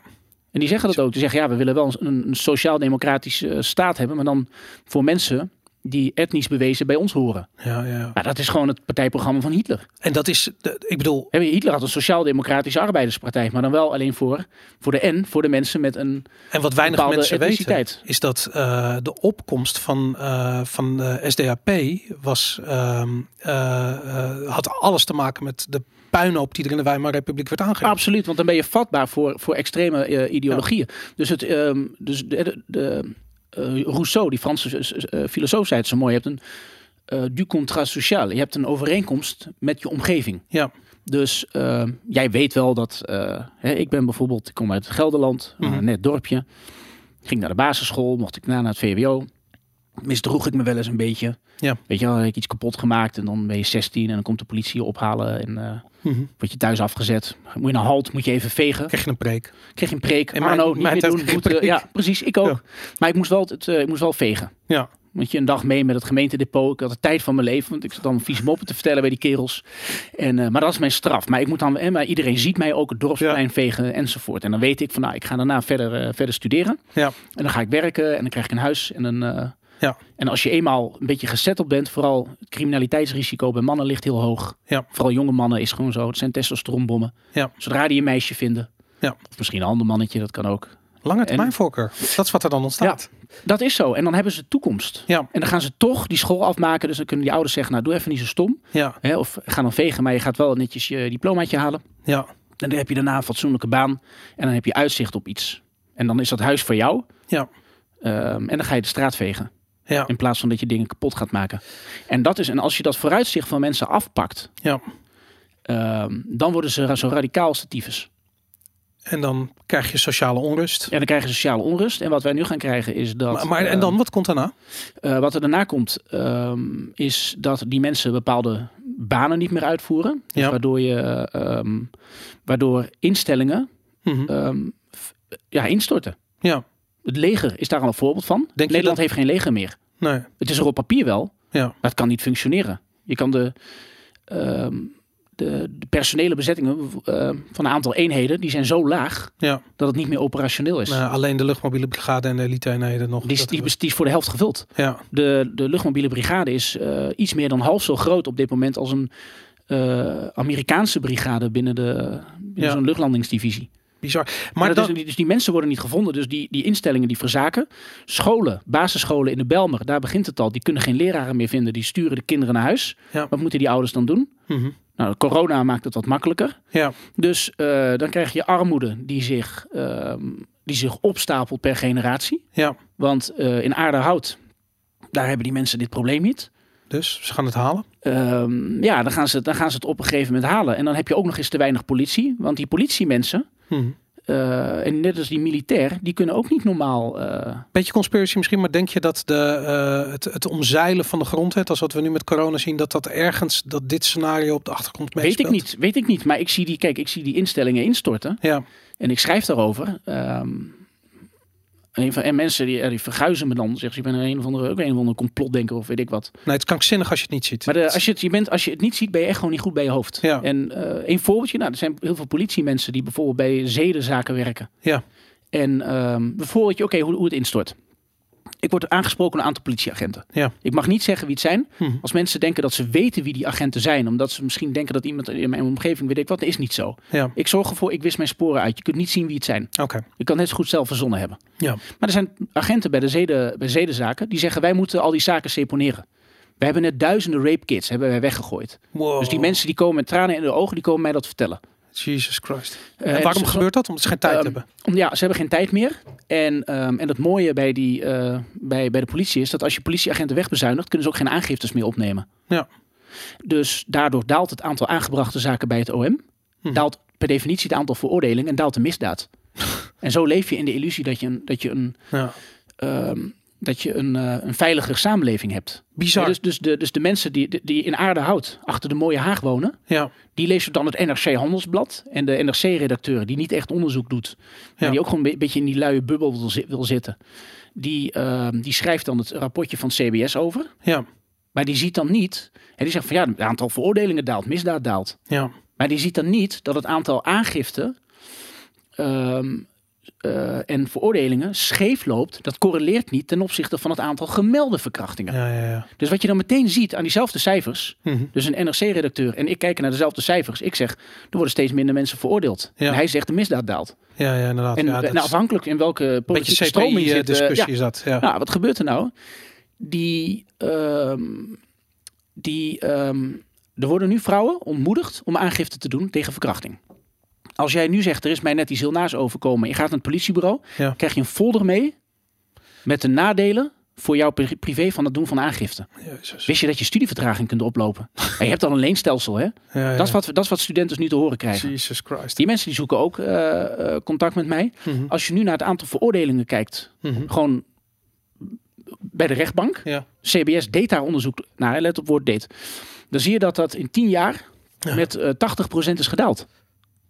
Dus die viezerikken, die worden niet meer gepakt. Ja. Als je op het niveau van 2007 of 8, als je op dat niveau Mhm. de veroordeelden en de meldingen van verkrachting plus arrestatie plus, eh, plus veroordeling, Mhm. als je dat vol zou hebben gehouden, dan hadden wij nu zo'n 1500 verkrachters extra achter de cel kunnen zetten. Ja. Dat, Maar die mensen die laten we lopen, dus de gevangenis kan ook dicht. ja. Dan zetten we allemaal hippe food concepts neer. ja. Dat is wat er gebeurt. Nou, en dat is een voorbeeld van jouw ontwrichtende samenleving. Want de Oké. vrouwen die dat overkomt, Ja. die worden ook zo radicaal als de tyfus. En ik begrijp ze. Ik kan ze moeilijk ongelijk geven. Oké, en dan vanuit de ECB gezien. We hebben Christine Lagarde horen zeggen, er komt een eh, central bank digital currency aan. We hebben eh, Klaus Schwab van de eh, World Economic Forum horen zeggen van this is a great opportunity. Eh, de corona is a great opportunity. We weten dat inmiddels van de documenten die zijn uitgegeven door de, door de ECB, dat het grote probleem is dat ze geen inflatie kunnen aanjagen zoals ze het zelf verwoorden. Ja. Ik bedoel, we zijn het er niet mee eens, maar dat is dat niet lukt, omdat het niet lukt om dat geld in die reële economie te krijgen. Nee, maar dat is ook niet zo gek. Maar die, die reële economie, daar zitten allemaal mensen Ja. die, die de autochtone beroepsbevolking, die Ja. krimpt. Dus een gemiddelde vrouw krijgt nu 1,55 kind in Nederland. Dus elke volgende generatie wordt kleiner. Ja, Wij kunnen je een krimpende samenleving ja. met overkreditering kun je niet stimuleren met nog meer krediet. Zo Behalve, simpel is het. behalve wat ze dus nu gaan doen, is dat ze gaan zeggen van nou jij Arno en, en ik Boris, wij krijgen allebei 2000 euro eh, central bank digital digi euro's, weet ik hoe het heet. Direct hebben wij een rekening courant bij de, eh, hoe heet het, bij de ECB lopen, bij wijze van spreken. We hebben daar gewoon onze account. Ehm, maar, er is één maar, die digi euro's, die moet je wel voor de 25ste hebben uitgegeven, anders betaal je 10% rente. Of- Ja, ja kijk, die, die, ehm, een, volgens mij heet dat de Ricardian equivalence uit mijn hoofd. Een echte macro-econoom, die moet mij dan maar corrigeren. Ja. Maar als je, als je dit soort geintjes doet, Ja, dan weten mensen dat. ja, Hè, Dus George Bush heeft dat een keer gedaan, de senior. ja, Dat hij zei, stem op mij en dan krijg je zoveel belastingkorting. ja, Alleen mensen die krijgen dan dat voordeel, maar die snappen wel dat de overheid dat later gaat innen. ja. En het bewijs is 50-50, even uit mijn hoofd. Maar als Ja. er een echte econoom is, plaats het in de comments. eh, want er is onderzoek naar gedaan. Het, het is vestzak, broekzak. Tuurlijk. En, mensen, mensen hebben dat door.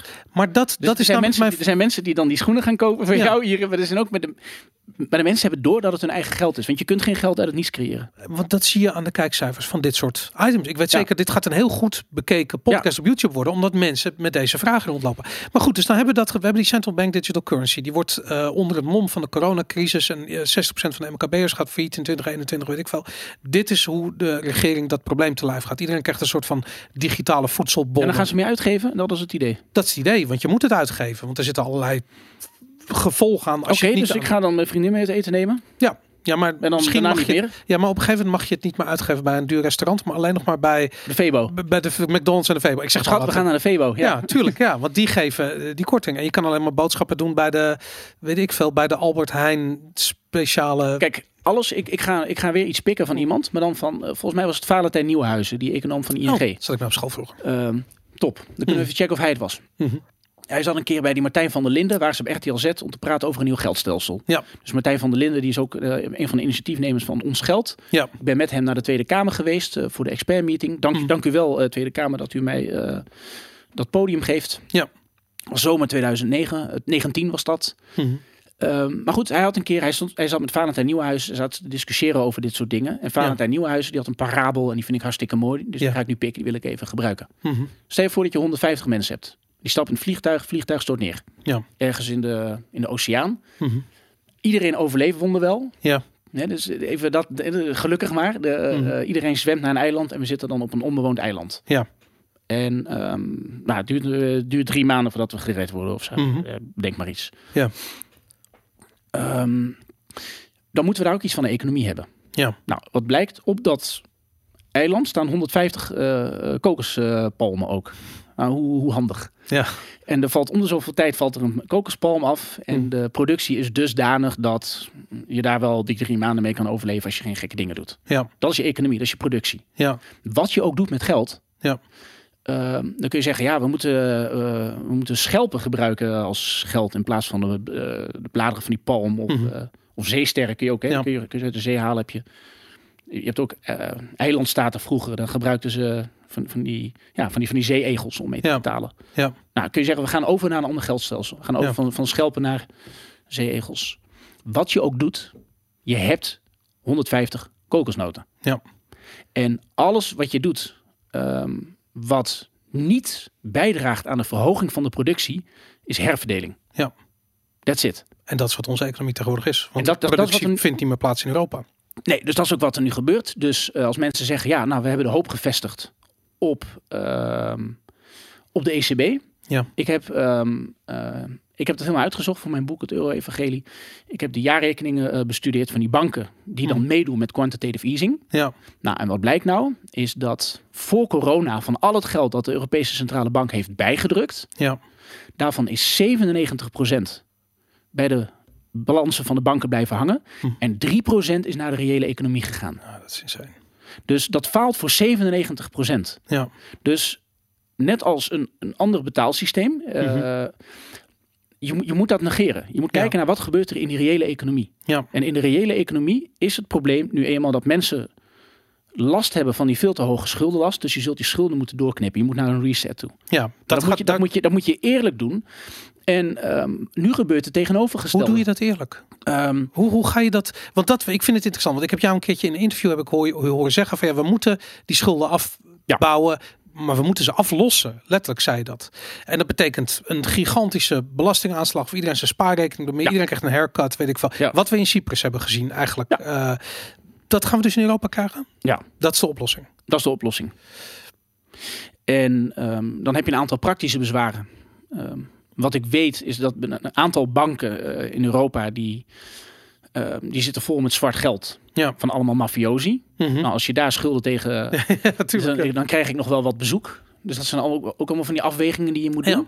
Maar daarom is dat geld bijdrukken, dat is de laffe optie. Ja. Dat is de doormodderoptie. Ja. Denk je Maar dat, dat faalt nu, dat, dat, dat werkt niet. Maar het heeft wel gigantisch veel nadelen voor de, voor de normale mensen. Voor, Ja. de, voor, de, voor de reële economie en de fatsoenlijke mensen die daarin werken. Dus niet de bankiers, gewoon de non-financial corporations. Ja. De bakker om de hoek tot, eh, tot, tot de koekjesfabriek. Zie je nog een ander scenario? Is er een andere mogelijkheid? Kunnen we opnieuw Wij, beginnen? zitten, wij zitten op dat eiland. Ja, Wat, wat, wat gaan wij doen? maar we hebben geen productie meer. In Amerika is het nog erger. Nou ja, kijk, je kan, ehm, je kan productie terughalen. Ik ben daar eh, voorstander van. Ik ben er voorstander van dat we een handelsoorlog met China beginnen. Ja. En dat zal maken dat producten duurder worden. Ja. Alleen omdat de prijzen van goederen dan hoger zijn, Mhm. kun je ook die lonen weer laten stijgen. En als je er voor, tegelijkertijd voor kunt zorgen dat je dan deflatie krijgt op die huizenmarkt. Mhm. En dat is een kwestie van overheidsbeleid.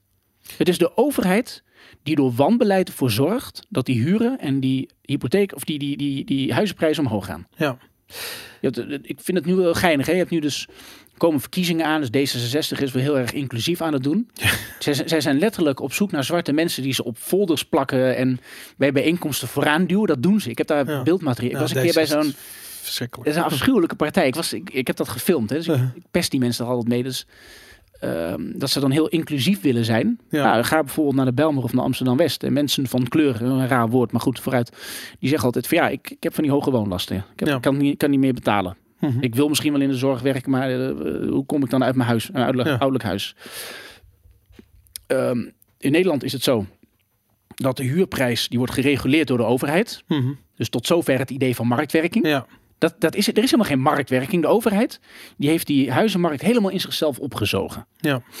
En die voert een, eh, een, een belemmerend beleid uit. Mhm. Wat nu verergerd is omdat we denken dat we een stikstofprobleem hebben. Ja.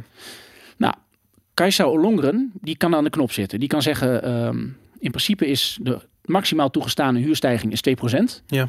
Dus de inflatie, zeg maar, weer even 2%. Plus een discretionair percentage dat zij mag be- beslissen met acht punten erbij. Ja, ja, ja. Oké. Nou, Ollongren had nu kunnen zeggen, Mhm. mensen hebben het moeilijk. Wat ga ik doen met die huurprijs? Ja. Die ga ik op nul zetten. Mhm. Dus hoe, met hoeveel mag die huurprijs stijgen? Ja. En als je het tegenovergesteld doet, je doet, eh, je doet het 8% bijvoorbeeld. Mhm. Ja, dan zijn de internationale beleggers. Dan is BlackRock blij en, eh, Ja. ehm, en al die partijen. Wat doet Ollongren, inclusief als zij is? Die doet er 6 procentpunt bovenop. belachelijk. en ja. dat, maar dat had je dus ook niet kunnen doen. Dat is politiek natuurlijk. Dat is een politieke keuze. En je krijgt nu nieuwe partijen. eh, de- Sylvana Simons met Bijeen is er één van. Mhm. Nou, die heeft dingen in haar verkiezingsprogramma staan. Dus behoorlijk radicaal. Dan denk ik, ja, dat moet je dus niet doen. Maar Ik wil niet van Dat- zeggen, maar dat- Robert dat je dus. Valentine zat hier ook gewoon over het basisinkomen te prediken. oké, nou, dan moet ik eh, dan moet, moet die even een eens, eh, woordje met hem Ja, spreken ik zou hem even aan zijn- krullen trekken. Maar die heeft hij zeker niet, hij want hij, scheert zijn hoofd. Maar kijk, eh, je, je moet die, die als je die, die huizenprijzen en die, die, dat, als je dat niet aanpakt, je hele Ja. samenleving gaat eraan. Ja, Want je onthoudt mensen een eerste levensbehoefte. ja, En je ziet nu al dat het kindertal van Nederland dat het schrikbarend daalt. ja. En dat, dan kun je zeggen, ja, maar het is beter voor het klimaat. Ja, maar het een is, bevolkingsimplosie het eh, is een 100 implosie, jaar. maar dat is niet iets om, om blij van te worden. Nee, dat is. Want, want je ziet het ook in je omgeving. Ik zie heel veel mensen die anders die mooie middenklasse baan hadden gehad. Ja. Ze weten Ehm, donders goed, dat is waarom natuurlijk er zoveel ruimte is voor vluchtelingen om, en economische migranten om hier te komen wonen. Want Ja, die bevolkingsimplosie zit eraan te komen. ja maar dan haal je die uit, land, uit landen die Tuurlijk. zelf ook een laag... Dus, het is een, dus, je, dus je verplaatst je problemen. Ik wil, dus heel even en- nog één ja. ding naar, naar wat jij zei. Hè, over, oké, ehm, Dus, dus, dus je moet het afschrijven. Je moet zeggen, nou, ja, je kunt, ehm, ehm, maar gaat dit, maar is het realistisch? Maar ik bedoel, ik, nee, je kunt ook laten ontploffen. Nou, maar, maar laat ik zo zeggen, eh, eh, volgens mij was het Hayek, maar, maar misschien eh, zit ik ernaast. Maar die zei op een gegeven moment van zodra je een overheid de middelen geeft of de mogelijkheid geeft om geld te creëren, dan zullen ze dat misbruiken. Nou, Dat is- bewezen stelling. Be- maar dat is al, al honderden keren gebeurd in de geschiedenis. Eh, Willem Middelkoop kan altijd direct opdreunen dat dat, weet ik veel, 364 keer al gebeurd is. Ik geef Ik weet Willem. Ja. Precies, weet je, hij, hij weet het. En, en waarom? Zodra die goudstandaard wordt losgelaten, zodra ja, geldcreatie printer. plaatsvinden, Ja. da- en dan wordt hij ingezet ook. Met andere woorden, het zit gewoon in de mens om dit systeem van macht eh, te misbruiken. En of je nou op partij A of partij B stemt, zodra die, er daar iemand zit die met zijn vinger aan die, aan die geldprinter mag zitten, dan zal die het doen. Dus Ja, maar moeten- die- die, die- geldprinter moet weg. Die geldprinter moet weg. En als je nou, als je terugkijkt in de geschiedenis, de, Ja. dus de, het is een keer in het Romeinse Rijk gebeurd. Inderdaad, we hebben ook in Duitsland heb je Kippel en Wiepertijd. Noemen we dat als de 18e eeuw. Dan had je allemaal vorstendommen en toen hadden ze ontdekt in Duitsland. Hè, dus, had je, dus dan had Hessen of eh Brandenburg, weet je, hele Mhm. kleine staatjes. Ja, En die hadden ontdekt dat die hadden die handelden in elkaars geld. ja, Want het kan zijn dat je een boer hebt met een kar en die gaat over de grens van het ene vorstendom. Ja. En die heeft dan de munten van de ander terug. Ja. Dus één vorst die als eerste had ontdekt. Niemand weet meer wie het is, maar.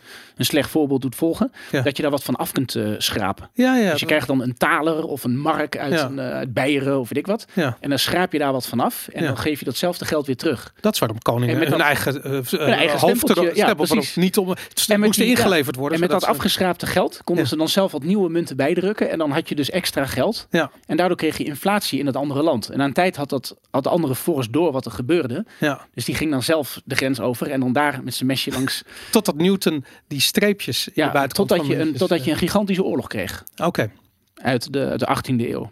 En dat is in de. In, dat gaat altijd fout. ja, En we weten dit nu. We hebben die kennis. We Ja. hebben de, de, je weet dat uit de geschiedenis. En je ziet nu de, de voortekenen. Met bijvoorbeeld met betrekking tot radicalisering. Ik schrijf er ook over in mijn boek en of op mijn blog. Je ziet het gewoon fout gaan. Je ziet, Ja. je ziet dingen in de samenleving. Qua, qua grofheid, qua geweld. Qua oude slechte ideeën die weer terugkomen. ja, Je ziet dat voor je ogen gebeuren. Ja. Hoe kun je het niet zien? Nou, wat, wat er dus nu gebeurt, is dat dan trekt de Europese Commissie, die trekt dan die macht naar zich toe. Die zegt, oké, we hebben dus corona. Mhm. En die gaan, die doen echt de meest krankzinnige dingen. ja, Dus die maken het alleen maar erger. Dus, die, dus de Europese Commissie heeft nu dat, met dat plan, hè, mogen ze 750 miljard euro eh, uitgeven. ja, En dat wordt aan waanzin uitgegeven. ja, Maar wel met geleend geld. ja, omdat het, het gaat niet om het uitgeven, het gaat om het drukken van het geld. Ja, het gaat om die, maar het gaat ook om die, om die macht centraliseren. Ja. Dus op dit moment, dus je ziet dat mensen lokaal die zitten in nood. Hun- Mijn bedrijf is dicht. Ja, Eh, nou, dat klinkt heel, maar voor mij ook. Ik mag niet meer werken nu. ja, Ik heb normaal gesproken allemaal zaaltjes en dingen en Ja, optredens. Het mag ik niet meer doen. ja, ja, ja, ja. Dus dat, dat, dat wordt mij ontnomen. Nou, wat gebeurt er dan? Dan gaat nu, eh, krijg je dat Europese reddingspakket. Ja. En dan gaan we dat, dan gaan we de, gaan we de, de, de Europese Commissie mag nu zelf geld lenen. Dus in plaats van dat we gaan deleveragen, ja. dus dat we op zoek gaan naar oplossingen Het gaat vol gas, binnen de huidige ja. kaders. Hè?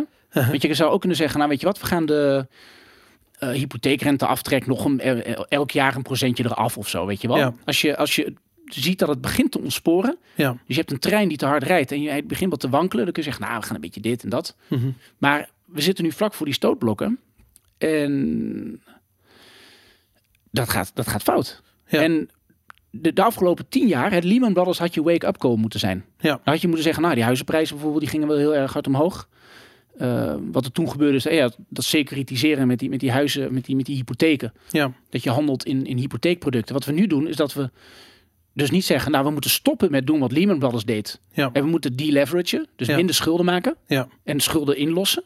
We zeggen nu nee, de, we gaan nu dat wat Lehman Brothers deed met hypotheken, Mhm. dat gaat de Europese Commissie nu met staatsschulden doen. Ja. Dus dan vouwen we een Griekse en een Italiaanse staatsschuld bij elkaar, Ja. geven aan een pensioenfonds en die weet dan niet wat hij ziet. Ja, die ziet niet wat hij koopt. Ja. Nee, dat, dat snap ik. Dus, dus de, de, de oorzaak van de Amerikaanse hypotheek eh, of kredietcrisis Mhm. wordt nu de oplossing van de Europese. ja. En het is, het is waanzin. En nou, we hadden het er net over, die, eh, dat, dat Europese reddingsfonds. Misschien mag ik er iets over zeggen. Ja, zeker.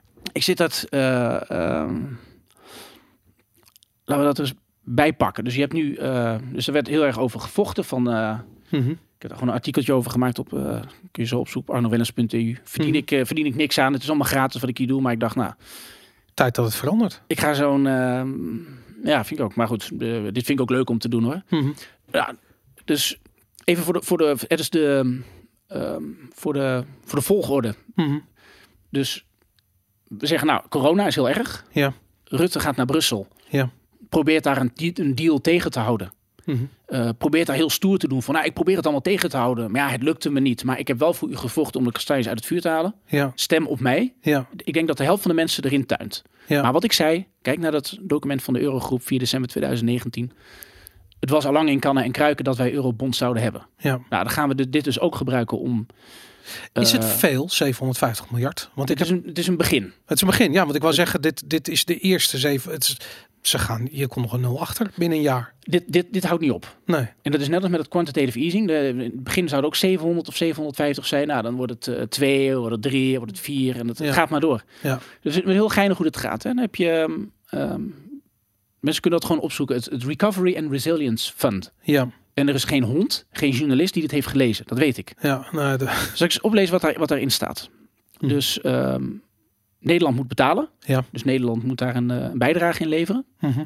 En ehm dan Hoeveel mogen mo- ze... Hoeveel moeten we daar aan betalen? Ja, ik, ik, ik, zal, ik, ik zoek dat even, even netjes, netjes op. Ik geloof ze, ze krijgen 27 eh, miljard euro terug. Ja.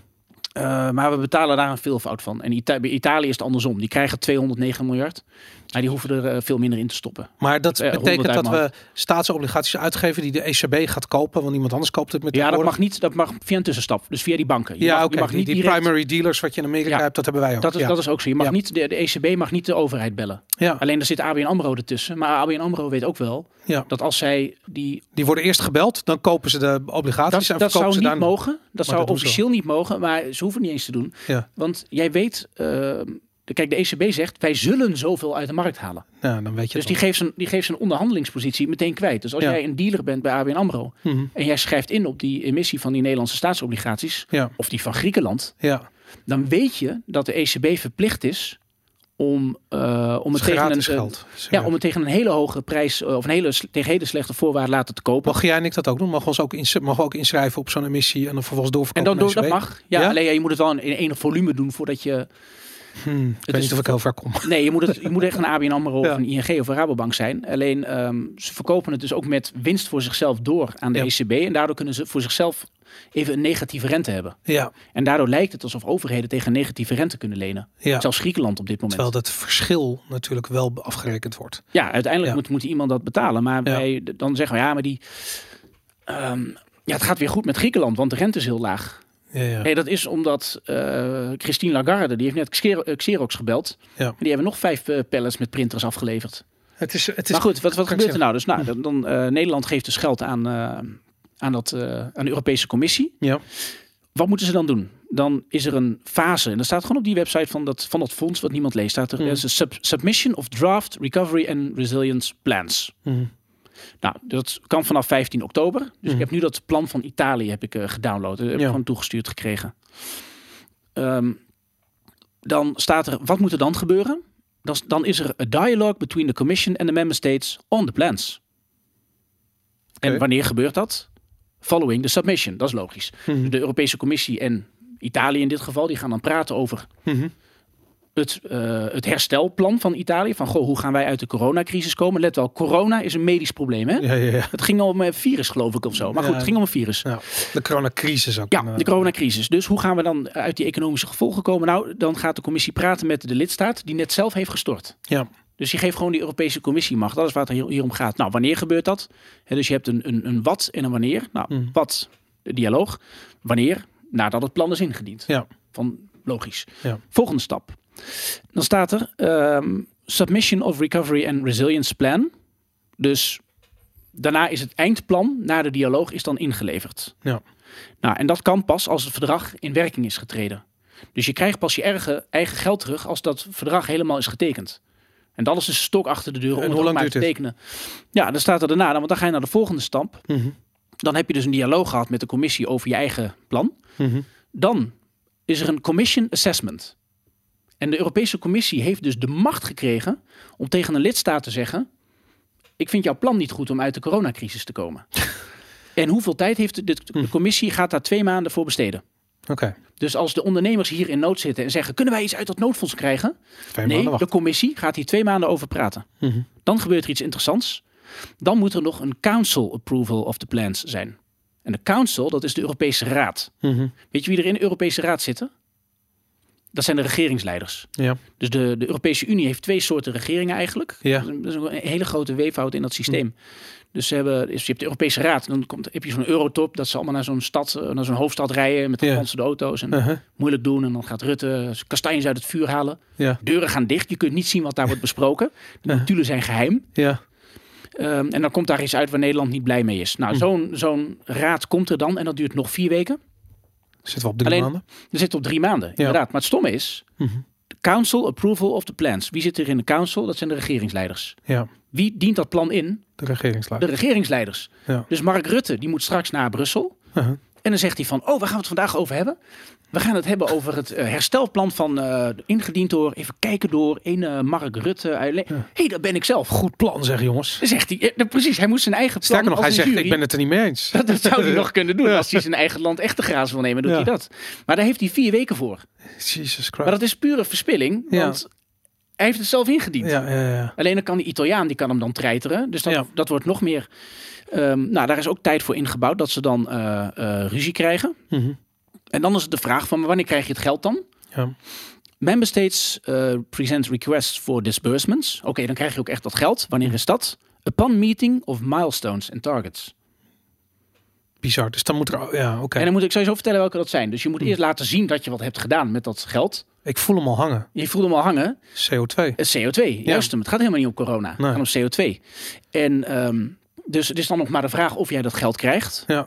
Want wie mag dat dan uiteindelijk beslissen? Dat is dan de laatste stap. En eh er staat er eh, Commission Assessment of the Request. Dus de Europese Commissie moet dan nog een keer zeggen van... oké, je hebt een verzoek om subsidie ingediend. Ja. Uit je eigen inleg. Hè? Dus Nederland legt geld in, in die pot. En dan moet de Europese Commissie zeggen... oké, je hebt genoeg gedaan, hier is dat geld. Ja. En daar staat ook twee maanden voor. Dus dan zijn we al vijf maanden verder. Ja. Dus er gaat geld naar Brussel. van. Ja, Ongelooflijk. dus er gaat geld naar Brussel voor Ja. corona. En als Nederland dat terug wil krijgen, Vijf maanden. dan zijn we dus vijf maanden verder. Ja. En die ondernemers die zitten nu in nood. Die Het is de zeggen van, definitie van bureaucratie. Ja, Echt waar. Het je, is je creëert van- bureaucratie. Je doet Ja. niets anders. Ja. Kijk, het is ook niet zo dat die Europese Commissie door het te centraliseren, Ja. dat, dat meer soevereiniteit of meer geld creëert. of Zo. Er wordt vaak gezegd van ja, nee, we moeten het Europees oplossen, dan wordt het beter. Ja. Hoezo? Als je ehm, ondernemers in nood hebt in je eigen land, Ja. je kunt ze toch ook direct helpen. Ja. Hoezo moet dat eerst via Brussel? Hoezo wordt het dan beter? Ja. Ik, ik snap het niet. En niemand het- snapt dit. En het stom is, wat, wat is dan, wanneer krijg je dan een, ehm, wanneer krijg je pas je, eh, wanneer wordt je pl- plan pas goedgekeurd? Ja. En wanneer krijg je je geld? Je moet 20% van eh, in digital investments and reforms. Ja. Each recovery and resilient, resilience plan will have to include a minimum of 20% of expenditure to foster digital transition. Wat is dat? De schoenenwinkel moet een website openen. Ja, dat soort dingen. Dat, of ja. vooral als je in Zuid-Italië of zo bent, dan zie je dat wel eens. Eh, hebben ze geen breedband-internet Ja, oké, en dat soort dingen. En Ja. hebben ze heel veel contant geld. En dan moeten meer pinautomaten. Alleen maar het stom is, dat moet elk land dus doen. Dus elk land moet 20% digitale transitie hebben. Ja, Alleen er zijn ook landen in de Europese Unie die zijn wereldwijd koploper ja, op het punt van digitale innovatie. Zoals Nederland, maar ook Estland. ja. Eh, die doen het al hartstikke goed. Dus waar gaat Nederland in godsnaam 20% van dat geld, van die 30 miljard of zo, waar gaan we dat aan uitgeven? Gewoon nog een datacenter voor eh, Microsoft. Eentje ja, voor daar gaan we nog een- eentje voor. Amazon. En, eh, Juist hem. Dan zullen we Ja. daar zullen we subsidie, aan die mensen geven. ja, ja, en dat- die kunnen wel vijf maanden op hun geld wachten. Maar er is nog een post waar geld heen moet. En dat is de Green Deal. Het Ja. gaat hier om het pushen. Het gaat Ja. helemaal niet om corona. Het gaat om Dat is gewoon een, dat is gewoon een dekmantel. Men, Ja. dekmantel. Want er staat er gewoon mensen zeggen: hé, hey, complotdenker. Nee, kijk gewoon Recovery Resilience Fund. Waar gaat het geld heen? Ja, 37% for green investments and reforms. Each recovery and resilience plan will have to include a minimum of 37% of expenditure related to climate. ja. Pro- is progress towards, towards other environmental objectives is also important. Oké, dus, dus, Nederland, dus Nederland CO2, digitale vernieuwing. Dat is Ja, precies. Contant geld afschaffen, dat soort dingen. niets Datacenters. met corona het heeft maken. niets met de gewone mensen in de straat te maken die zeggen: overheid, u gooit mijn bedrijf dicht. Ja, Ik begrijp vaak niet waarom bedrijven dicht moeten. Heel, heel simpel voorbeeld. Ik heb net wat pakketjes op de post gedaan voor mensen die eh, mijn boek wilden lezen. ja, Dus dan moet ik in de rij staan bij het PostNL-punt. ja, En dan, ehm, eh, maar die, die, dat is ook een winkel, is een sigarenwinkel. ja. En dan heb je geboortekaartjes. En, eh, en ik had dat gisteren, maar ik had het net ook. Dus gisteren stond er een oude man achter me. ja. En die, die had dan een leuk kaartje gevonden voor een vriend van hem die jarig was. Die was ook 187 of zo, weet ik veel. En denk ik, "Oh, een kaartje gevonden. Wilde die afrekenen? Mag niet. Dus die man die staat vijf minuten achter mij in de rij. Ja, Dat mag. ja, Dan zegt hij, dan lever ik mijn pakketjes in bij het postpunt. ja. Drie centimeter letterlijk. Daarnaast zit de kassa voor de sigaren en voor de kaartjes Die en had hij daar moeten kopen. Had hij daar, mag niet. Dus werd hij weggestuurd. Bizar. Ja, en dan zeiden ze van, ja, maar dat soort goederen, die mag je... Maar het dus Hm. Vanwege corona bedoel je? Vanwege Ik- ja, nee, Ja, tuurlijk. dat, is het, is allemaal corona. Jezus. Ja, wij, ja. wij heien corona, zeg ik dan. Maar we doen dit soort onzin vanwege is- corona. Ik stond er net weer in de rij en nu was er een eh, vrouw, die was Pools of zo, geloof ik. Mhm. En die wilde, ehm, ehm, die wilde een, eh, een kaartje kopen, een geboortekaartje. Ja, Dan stond ze ook achter mij in de rij. ja. En dat En toen, toen heb ik vast gezegd van, ik zei, je mag hier niet in de rij staan met een geboortekaartje. Ja, het is- En toen zei ze, maar je mag wel met jouw pakketje. Dat, ik zeg, dat mag wel. ja, inderdaad. En ik zeg, ja, because of corona. en toen keek ze me aan, ze zei, ze zei, die man is niet goed. maar Dus toen heb ik dat gelaten. Maar al deze onzin, ja, in het groot en in het klein. Al deze onzin die over ons heen komt. Want die winkelier, die gaat hier aan kapot. ja, Want die mag zijn eigen spullen niet verkopen. ja, En ehm, dat laten wij allemaal maar gebeuren. ja, En op Europees vlak heeft helemaal niemand meer door wat er nu gebeurde. Iedereen die ik dit vertel, Mhm. van die 37% en die 20%, iedereen zegt Arno, je bent gek. ja. Je hebt, eh, je hebt weet ik wat gedaan, hebt een of andere foute site zitten lezen. Nee, het is gewoon de deal die Rutte heeft gesloten. Maar het is van een, het is, het, het is Dus, hij, dus hij, geeft, hij geeft geld aan Brussel. Ja, Elke hij, krijgt, hij geeft geld aan Brussel. Dan krijgt hij de helft terug. ja, En dan moet hij vijf maanden op wachten. Ja. Via die juryronde van drie keer waar hij ook zelf in zit. En er moeten allemaal hoepeltjes springen. hij waar wij met z'n allen doorheen moeten springen. Ja, en hij krijgt het pas terug als hij het aan klimaat besteedt. Ja. En het stomme is van, van die klimaatuitgaven. En dat wordt, dat wordt nog een ellendig punt. Ja. ehm, waarbij, waarbij we de levens van gewone mensen echt gigantisch aan het vernielen zijn. ja, Want die hele klimaattransitie is onmogelijk. Ik ben dus nu een dingetje, even, nou, misschien tussendoor, maar daar ben ik mee bezig. Dat, omdat CO2. dat CO2-verhaal, Klopt, dat kan klopt. helemaal niet. Nee. Want dat moet dan via biomassa gaan. Ja. Ik word nu gebeld door mensen die bij die kolencentrales werken. En die zeggen, Arno, die waarschuwen mij. Die zeggen, dit gaat helemaal fout. Ja. Eh, maar ook advocaten. Want die kolencentrales worden uitgezet. Ja, En die biomassacentrales kunnen het niet produceren. Nee, want het, het stomme is, er wordt nu gedacht, dat is Wiebes die dat doet. Dus Wiebes die heeft eerst mensen letterlijk tot zelfmoord gedreven met die kindertoeslagaffaire. Ja, ja. Nu heeft hij 48 miljard euro gekregen Mhm. voor biomassa in Nederland. Ja. 48 miljard euro, hè? Jesus Christ. En eh, wat, wat doet hij daarmee? Dan subsidieert hij de graduele overgang naar biomassa. Ja, Nou, die ingenieurs die daar werken en die hun zakken lopen te vullen op die groene onzin, ja, die, die uit schaamte bellen ze mij, vertellen ze me dat. ja. Ze zeggen ja, wij moeten die centrale stapsgewijs ombouwen naar meer biomassa bijmengen. Mhm. Maar dat kan niet. Nee. Dat is onmogelijk. Een centrale die op kolen eruit, daar kun je niet even een, een oerbos ingooien uit Indonesië of Letland of, of Estland, weet ik wat, of Amerika. Of gewoon het Hollands duingebied. Of het duingebied. Dus we Ja. zijn het duingebied nu aan het mollen. Ja. Dat hakken we in stukken. Ik woon daar. Het is Ja. dramatisch. Het is, ik ren daar vaak nu. Ja. En, eh, en, en je, je ziet het ook. En dat is, om milieu te beschermen, mollen we dat bos. Ja, Dat gaat in pallets naar die centrale toe. Maar die centrale die zegt, ja, we moeten elk jaar een paar procent meer bijmengen, maar dat kan niet. Ja. Dat kan alleen als we nog een paar miljard euro extra krijgen. Ja. En toen heeft, de, heeft Wiebes tegen, die, eh, tegen RWE gezegd. Mhm. Het staat allemaal in het jaarverslag van RWE. Ja. Dus mensen zeggen, hey, dit is ook niet waar. Het is wel waar. Het staat in het jaarverslag van RWE. RWE heeft gezegd, wij ehm, kunnen technisch niet wat jullie van ons vragen. Ja. Dus de klimaatmensen hebben dan het idee dat het duingebied omhakken, de bossen daar, dat dat in de centrale flikkeren, dat dat CO2-neutraal is. Nee, want gaat op een of andere manier... Kijk, het, het is- Het, het idee is dat dat bos dan teruggroeit. Alleen je hebt een momentumverlies. Want Ja. dat, bos dat heeft 50 jaar nodig om... En dan heb je je oude bos weer terug. Ja. En misschien dat de dieren terugkeren. Maar je had het bos ook niet kunnen kappen. Maar, maar die dat bomen breken CO2 af. Ja, Dat is het krankzinnige. Ja. En die uitstoot van die centrales wordt, wordt niet meegeteld, want Nee. dat hoeft niet van Brussel. Dat, Nee, dat is het stomme. En wat gebeurt er Ah. nou? Maar nu, voor deze fuck-up van Wiebes... Ja, die kun je in de schuld schrijven van corona op dit moment. ja. Want wat gebeurt er nu? RWE zegt in het jaarverslag van 2018 Mhm. dat ze contact hebben met Wiebes. En dat er gesprekken zijn over ja, dat er toch wel meer subsidie naar RWE moet. ja. Dat staat er letterlijk in, hè? Mhm. Van ja, we hebben een geschilletje. Want ja, Nederland wil iets klimaattechnisch wat niet kan. ja. Namelijk die centrale gradueel over laten gaan. Dus er zal op korte termijn veel meer subsidie heen moeten. Mhm. Ehm, en we, we denken dat we eruit komen. Ja. Staat er letterlijk in. Mhm. Alleen een jaar, een jaar later, dus ik hield dat bij. Een jaar later staat er in het jaarverslag van RWE, dat Duitse energiebedrijf dat heeft de Amercentrale en dat ding in de Eemshaven. Daar hebben ze gezegd, ja, we zijn er helemaal niet uitgekomen met de overheid. Dit wordt eh, litigation. We gaan de overheid aanklagen. Ja. Als een commercieel, als een grote commerciële multinational Mhm. dat in het jaarverslag zet. Ja. Van wij hebben een Green Deal met Nederland. Van wij moeten hier zus en zoveel biomassa bijstoken. Wat Ja. maar goed. Mhm. Eh, en Nederland wil zich niet meer aan die deal houden. Omdat wij dus 48 miljard euro letterlijk aan het wegflikkeren zijn. Dat is wat Wiebes doet. Ja. Ehm, dan gaan we je aanklagen. Ja. En als een bedrijf dat een subsidie krijgt van Nederland. Als die dat in het jaarverslag zetten. ja, dat is een slecht teken. Dan weten ze het. Ze, we- ze Ja. weten dat ze dit gaan winnen. Dus eh, wat ik zei. Nederland slaat al 48 miljard euro stuk op klimaat. Wiebes doet dat.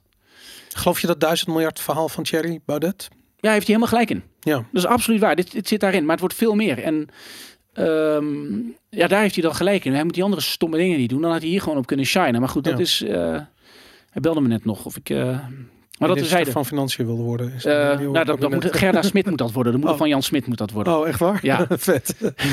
Alles is weg. Maar ehm, nee, wat gebeurt er nou? Mhm.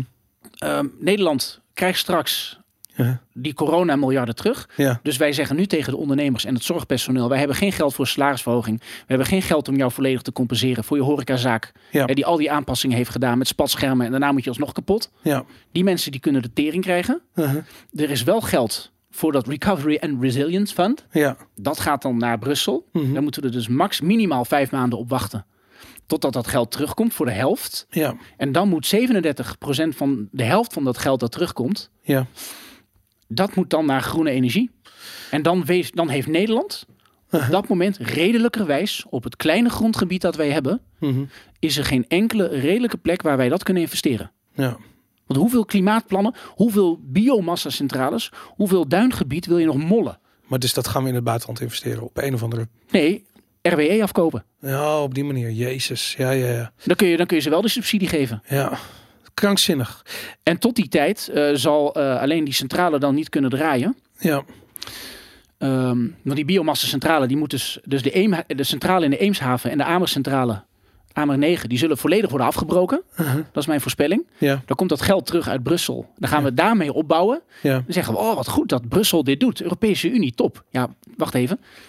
Je geeft 1 euro, je krijgt de helft terug. Hè? Ja, ja, ja. Dus maar goed, even dat terzijde. Ja. En dan kun je zeggen, ja, we gaan nu investeren in het, eh, in het klimaat. Tot die tijd, want dat zal vijf jaar duren, staat ook in het jaarverslag van RWE. Ja. Tot die tijd Mhm. ehm, heeft Nederland wel behoefte aan stroom. Dus wij geven eerst die 48 miljard euro groene energie. Ja. Dan eh, hebben we wel stroom, denken we. Maar dat Mhm. kan dus niet. Dus we hebben straks ook een dubbele energierekening. Jeez. Want we moeten die stroom inkopen. Weet je bij Ja. wie? Er staat nog een hele grote bruinkoolcentrale in Polen. Die is nog gebouwd door de, door de Sovjet-Unie. Ja. Om daar die fabrieken voor die mix. Dat is Jezus. smerigste bruinkool. Maar dat, is- dat is dan bij die, die, die, die stomme Polen. Dat zien we niet. Dan zijn we in aardehout, zijn we lekker groen. Maar we zijn in zo'n gigantische, oorverdovende bureaucratie terechtgekomen. Met de euro en met Brussel. Ja. Niemand ziet het of mensen willen het niet zien? Ik weet het niet. Maar het is, Hey, die wordt toch, als je dit ziet, zijn, zijn, zijn Ja, maar het is, het is absurd. Letterlijk, het, het is absurd. En ik bedoel, de laatste keer wat ik me kan voor is dat ik vroeger Latijns op en dat we het, het, de ondergang van het Romeinse Rijk bespraken, waarin dit soort krankzinnige, ja, de, de- de- stad de- in brand staat, mensen in een bad Ja. van olijfolie de zitten. Dat- devaluatie van de dinarius en de, de crisis in de vierde eeuw. Eh, Zoek, zoek, zoek het allemaal maar op. Precies dat. Dat is, dat is wat, waar we nu dus naartoe gaan. Maar goed, ik denk dat eh, ik wilde eigenlijk nog een soort brug bouwen naar, naar, naar hard geld en naar bitcoin. Maar ik, ik denk dat we er, ik denk dat we een andere keer daarover moeten gaan, Ja hoor, ik kom, ik kom wel terug. Ik, ben, ik, ik zie jou nog wel een beetje monter zijn. Ik kan me zo voorstellen. Stel eens voor dat je een... stel je eens voor, je, je bent een gozer of zo die dit, eh, eh, die, dit, Ja. die dit kijkt en die denkt, nou, heeft, heeft dan een leuke vriendin gevonden. Mhm. En dan denk je, nou weet je wat, ik kan YouTube kun je ook op je tv zetten, dus... We gaan dit kijken. ik ga dat even lekker gezellig kijken. Even voor de mensen die dit, die camera die doet het, hè? Ja, ja. Lieve mensen op date. Ja, u had ook niet hier aan moeten beginnen als date. Had u echt niet moeten doen. Ik hoop wel dat u wijzer bent geworden, maar het, het is wat het is. ja. En, eh, maar- maar, maar- hoe, kijk, hoe eerder, kijk hoe eerder die rotzooi oplost. ja.